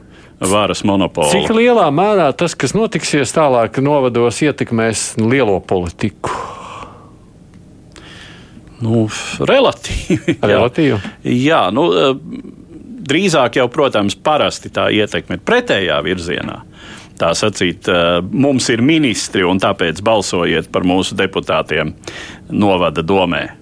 Bet nu, kaut kāds zināms, zinām ietekme, protams, būs, jo partija, kura iegūst labu reputāciju darbojoties vietvarā, pat ja reizēm šī darbošanās ir pretēja valsts kopējām interesēm un aizstāv teiksim, primāri šīs vienas vietvaras intereses. Nu, tā var ļoti, nu, tā var tomēr iespaidot vietvaras vēlētājus, savukārt arī balsot. Nu, tā vieta var kļūt zināmā mērā par šīs partijas atspērienu punktu. Tas vairāk gan raksturīgs ir tādām, tādām valstīm, kur ir, kur ir teiksim, divu partiju sistēma ja, un, un uh, vienmandāta apgabali. Bet, uh, bet nu, arī, arī teiksim, jā, tur savs, uh, savs efekts tam noteikti būs. Skatoties uz šīm vēlēšanām, tas, ko neapšaubāmi nu, nācās man secināt, ka tās programmas, ko nu, konkrētajos novados uh, solīja uh, vēlētājiem, bija ļoti līdzīgas. Vai līdzīgi Valmieras pusē arī? Jā? Dan. Līdzīgi, līdzīgi. Godīgi sakot, no tā, ka gandrīz var nelasīt. Izlasītas tika, bet tiešām līdzība ir ļoti, ļoti nu, izteikta. Jāsaka, mums bija debatas, un arī tur mm, akcentējot dažādas problēmas, kas Valmijas pusē, Vidzemes pusē ir. Šīs, šīs problēma risinājums arī ir gandrīz identisks. Viens pasaka, otrs vienkārši atkal. Mm -hmm. Un ir brīžiem bija sajūtas, ka um, tiem politiķiem vai nu negribas, vai nu, godīgi sakot, vienkārši nav galvā risinājuma. Dodoties uz debatēm, vai ejot pie vēlētājiem, vai nu stāstot un rakstot programmas īsās, man ir sajūta, ka, ja godīgi politiķi vienkārši bija šajās vēlēšanās konkrēti slinki. Sākot ar programmu, rakstīšanu un beidzot ar vēlmi sasniegt savu vēlētāju. Mm. Mēs esam sazvanījuši šobrīd Jānu Dombrau no Nacionālās apvienības. Dombraus kungs, labvakar! Labvakar. Runājot savukārt par Nacionālo apvienību, tā nu, vismaz kaut kā tā likās, ka tādās uh, dažādās ekspertu un citu politologu konsultācijās Nacionāla apvienība vienmēr palika tā visnepamanītākā. Jūs tur kaut kā likās vienmēr tā intriga vairāk par citām partijām nekā par jūsējām. Uh, tas tāpēc, ka jūs jūties stabili vai tāpēc, ka jūs esat vienkārši nepamanīti? Es, uh, man grūti ir nokomentēt, cik mēs pamanītu vai nepamanītu. Es domāju, ka vēlētāji šobrīd, uh, nu, mēs uzzinām šo vēlētāju uh, redzējumu par to, cik ir labi strādājuši gan mūsu pašvaldību vadītāji, gan arī tie, kuri vēl nav saņēmuši šādu iespēju apliecināt sevi ar darbiem pašvaldībā. Man ir tiešām liels gandarījums par to to ieguldīto darbu, ko aizvadītajos mēnešos mēs redzējām no mūsu cilvēkiem dažādos Latvijas reģionos. Un uh, vairākās pašvaldībās tie pirmie rezultāti, kas nāk no vēlēšanu iecirkņiem, ir ļoti, ļoti pozitīvi. Ko jūs skaidrojat, kas ir tas, ar ko jūs ņemat vēlētājus? Jo mēs spiedām, ka tās programmas vispār partijām bija diezgan līdzīgas šajās pašvaldībās. Nu, viena no lietām, kur acīm redzami mēs redzam nu, tādu ciešu korelāciju, ir tas, ka nu, ja tajās pašvaldībās, kur Nacionālajā apvienībā ir bijusi iespēja uh, vadīt pašvaldību, tur mēs esam to darījuši uh, ļoti aktīvi, cītīgi, veicot ļoti daudz darbus. Nu, tas padarīto darbu saraksts ir bijis ļoti, ļoti, ļoti garš. Un, tas arī rezultējas ar vēlēšanās iegūtiem 50, 60%. Nu, to mēs piemēram, šobrīd arī varam redzēt jau no Ogres novada saņemtajos rezultātos, piemēram. Bet būs arī līdzīgi, es domāju, citās pašvaldībās, kuras Nacionāla apvienība ir vadījusi aizvadītajos gados. Ja drīkst, es vien tīri personiski tādu viedokļu jautājumu pajautāt. Es vienkārši mazliet vēl pāris minūtes veltīsim zemgalē. Viena no lietām, kur neapšaubām daudz gadus ir nekas nav mainījies, tā ir bijis Jālgava, kurā ZZS ir bijusi ar savu mēru gadu gadiem. Nu, tā aina jau rāda, ka viņiem joprojām būs pietiekoši liels vēlētāju atbalsts, bet, ja gribētu, pieņemsim, Nacionāla apvienība kopā ar citām partijām visticamāk varētu šo te varas maiņu veikt. Jums šķiet, ir vērts kādreiz šādās kategorijās domāt, vai jūs sakat, strādājam visi kopā un nav jau svarīgi, kurš mēs? Protams, nu, tas politiķis ir nu, kaut kādā ziņā rīkojas neloģiski, ja viņš atsakās no iespējas vadīt. Bet, bet mums ir ļoti stingri principi attiecībā uz sadarbību ar prokremliskām partijām. Uh, un to arī ievēro Latvijas pašvaldībās. Un, ja teiksim, šī kopējā koalīcijas vienīgā, vienīgā versija ir nu, veidojot uh, ciešu uz atkarību balstītu sadarbību ar saskaņu, tad, protams, mēs uh, nu, nepārkāpsim pār saviem. Jā, bet Jālgavā tas, piemēram, nedraudētu. Nu, ko, vismaz pēc pašreizējām skaitļiem, kas nāk iekšā, tur šobrīd tas nedraudētu. Nu, es, es tiešām neņemšos uh, vēl visās pašvaldībās uh, komentēt, kādas varētu būt šīs pēcvēlēšana koalīcijas, kamēr šie rezultāti ir ļoti svaigi. Mēs parasti šajos jautājumos uzticamies mūsu vietējām nodaļām, viņu redzējumam par to, kas ir nu, abi uzticami sadarbības partneri. Un, un arī nu, atbilstoši šīs nodaļas rīkojas. Mē, mums, atšķirībā no citām partijām, nekad nav bijis, ka mēs izdarītu tādu ļoti aktīvu spiedienu, ka vajadzētu sadarboties uh, ar uh, vienu vai otru politisko spēku. Mm, labi, paldies Jānis Dombrau no Nacionālās apvienības. Es te pieminēju mazliet Jālgavu. Ko jūs sakāt vispār, Dan, par to, kas notiek šobrīd Zemgalē? Jo es, piemēram, lūkojos no tiem vēlēšana rezultātiem, un nu jau no Jālgavas diezgan daudz nāk iekšā. Nu, trešā daļa, 33% ir balsojuši par ZZS, bet viņiem ir, nu, ja, ja gribētu, tur patiešām varētu mainīties kāda varas pozīcija. Tieši tā. Viņam gan bija ļoti vāja tā aktivitāte, bet te man liekas, atbilde būtu jāmeklē tajā, vai pašvaldību darbinieki būs devu, ir devušies vēlēt, jo viņi ir iracionāli domājoši tādā ziņā, ka viņi jūtās droši pie Rāviņa kunga Un, ja viņa, viņš ir, tad es arī būšu tie darbinieki. Pašlaik darbinieku tur ir diezgan daudz, un tā sistēma viņiem ir. Es domāju, ka tas būs viens kritērijs. Un otrs vēl kritērijs ir, vai pensionētosies, vai viņi būs saņēmušies un devušies pie urnām, jo arī viņi ir tie, kas nodrošināja Rāviņu kungam arī to esamību. Jau 20, varbūt arī 24 gadus būt pie stūres. Es domāju, ka tas būs kritērijs. Tas ir ja par, par Jēlgavu, bet godīgi sakot, es domāju, ka šis tomēr varētu būt izaicinājuma brīdis, ka mm, varētu veidoties apvienība. Respektīvi, tās partijas, kuras negrib strādāt, tur būtu attīstībai pār, tur varētu būt jaunā vienotība, reģiona apvienība, un vēl jau jāskatās, kā tur saskaņa. Saskaņa Jelgavā bija tāda ļoti kautrīga šajā reizē. Īpaši neizcēlās. Viņi tur savā, mm, teiksim tā, mm, pusītē, tur, kur RAF eh, rūpnīca bijusi tā, tur viņi tur tām lēnītēm rosījās, bet nebija ļoti aktīvi. Es domāju, ka varētu būt intriga, vai šīs minētās iepriekš partijas varētu izveidot tādu kā pretspēku Rādam kungam. Tas būtu interesanti. Ir vēl kāda, vispār mums jau jābeidz laikam, bet ir vēl kāda zemgāles pilsēta, kas varētu likties vai kāds uh, tāds intriģē, intriģējošākais no visiem? Intriga, lielākā intriga, man liekas, būs tukums, jo Tukums, tā jā. ir liela. Jā, tāpēc, ka tur ir tā, viņiem principiāli nav neviena partija, kas ir līderējoša partija. Mm -hmm. Tur ir šīs viss un tik sadrumstalots, ka es domāju, ka e, tur ir vēl viena interesanta nianse. Tukums skaitās tā kā zem. Labi.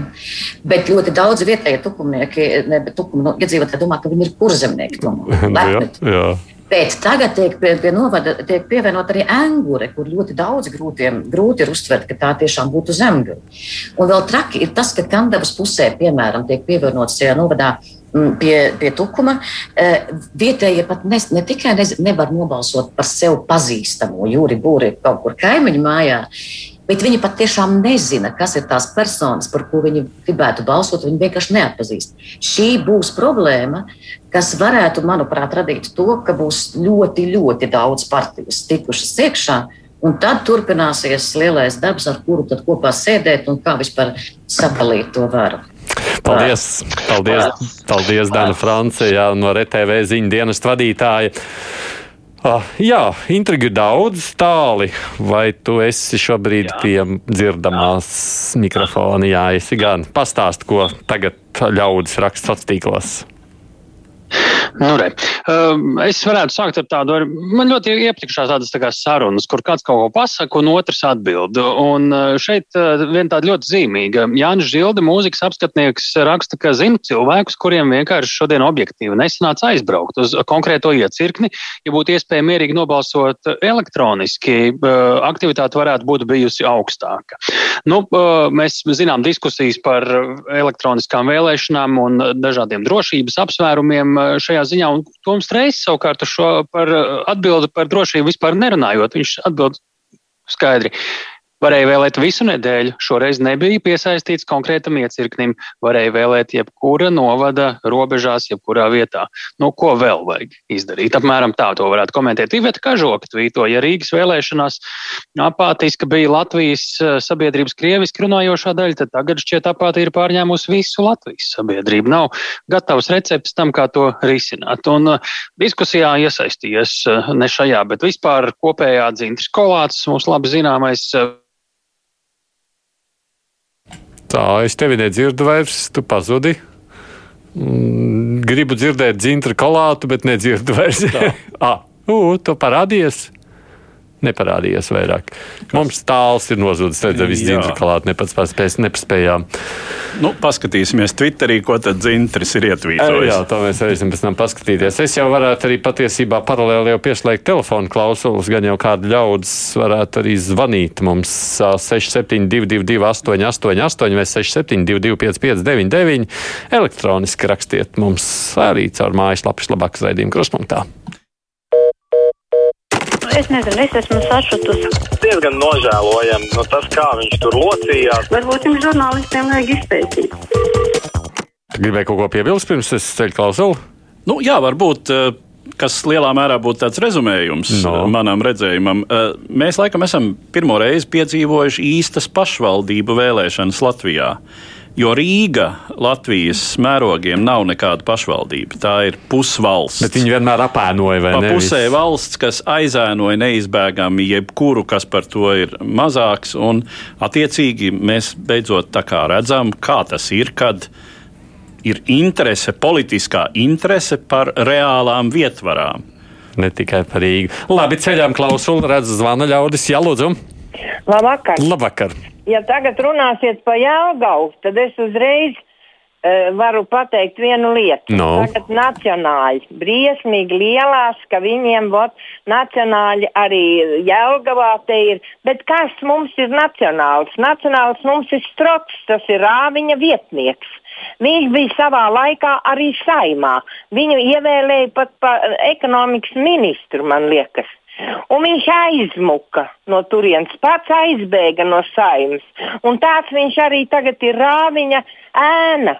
To, ko rāviņš teiks, to viņš darīs. Darīs. Tā kā nacionāli nelielās. Na Nu jā, redz, tā jau ir. Patiesībā jau līdz šim rāviņš, man liekas, visus apvienoja. Viņam izdevās kaut kādā jā, veidā neveidot sev opozīciju. Tā, tāpēc, ja es jautāju, vai tur varētu kas mainīties, nu, kā viņš teica, uz vietas, Dombrovs sacīja, uz vietas visas lietas lems. Emanuēls raksta mums šā. Es tā kā gribēju brīvdienās atpūsties, aizgāju, tāpēc balsot jau pirmdien. Man ir lieliska sajūta cilvēks rēķinājies. Savukārt Ilzes šādi mums raksta, es ar Romi arī braucām uz Limbažiem. Mums abām ir dārzi, ap 12. tur bijām vienīgās balsotājas. Tā tiešām mums bija dīvaina sajūta. Pa vidu arī vīrs tajā foršajā āras iecerknī nobalsoja. Katram pilsonim tas ir jādara, šāda iespēja ir dota, tā ir jāizmanto. Kādam taču ir jāvada tās pašvaldības. Nezinu, ar ko tas beigsies Latvijā, ja tā tas notiks arī nākamajās vēlēšanās.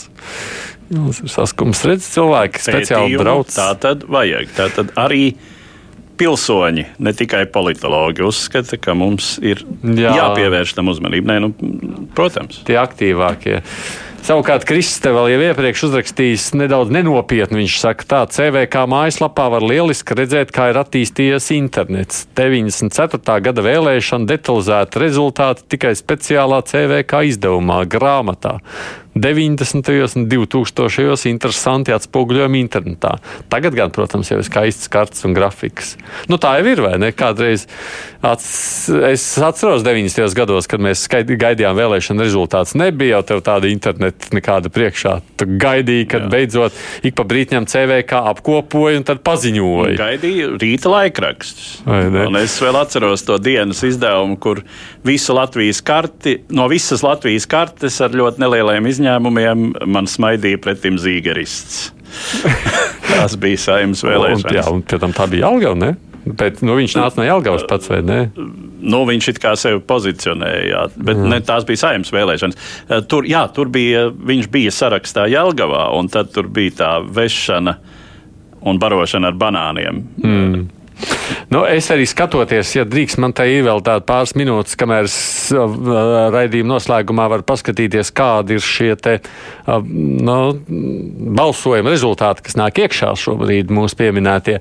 Man liktos ļoti interesanti, galīgi neskaidra situācija, pieņemsim, Jēkabpilī, kurā es redzu ārkārtīgi sadrumstalotu to ainu un kas tur noteiks, pieņemsim. Un tā ir viena no lielajām pilsētām, kur nav izveidojusies kaut kāda savu vietvaru. Kas tur noteiks? Tur taču bija savulaik gadu gadiem Salcevičs sēdēja krēslā un likās neizkustināms. Un, lūk, kopš viņš ir prom. Jā. Nav vairāk atrodama vieta. Nu, ja izskatās, ka dažas vietas, kurās nu, tā intriga neparādās, neparādīsies, nu, Dana pieminēja tukumu nav nejausmas arī tur apvienošana vai nē, tur grūti pasakīt.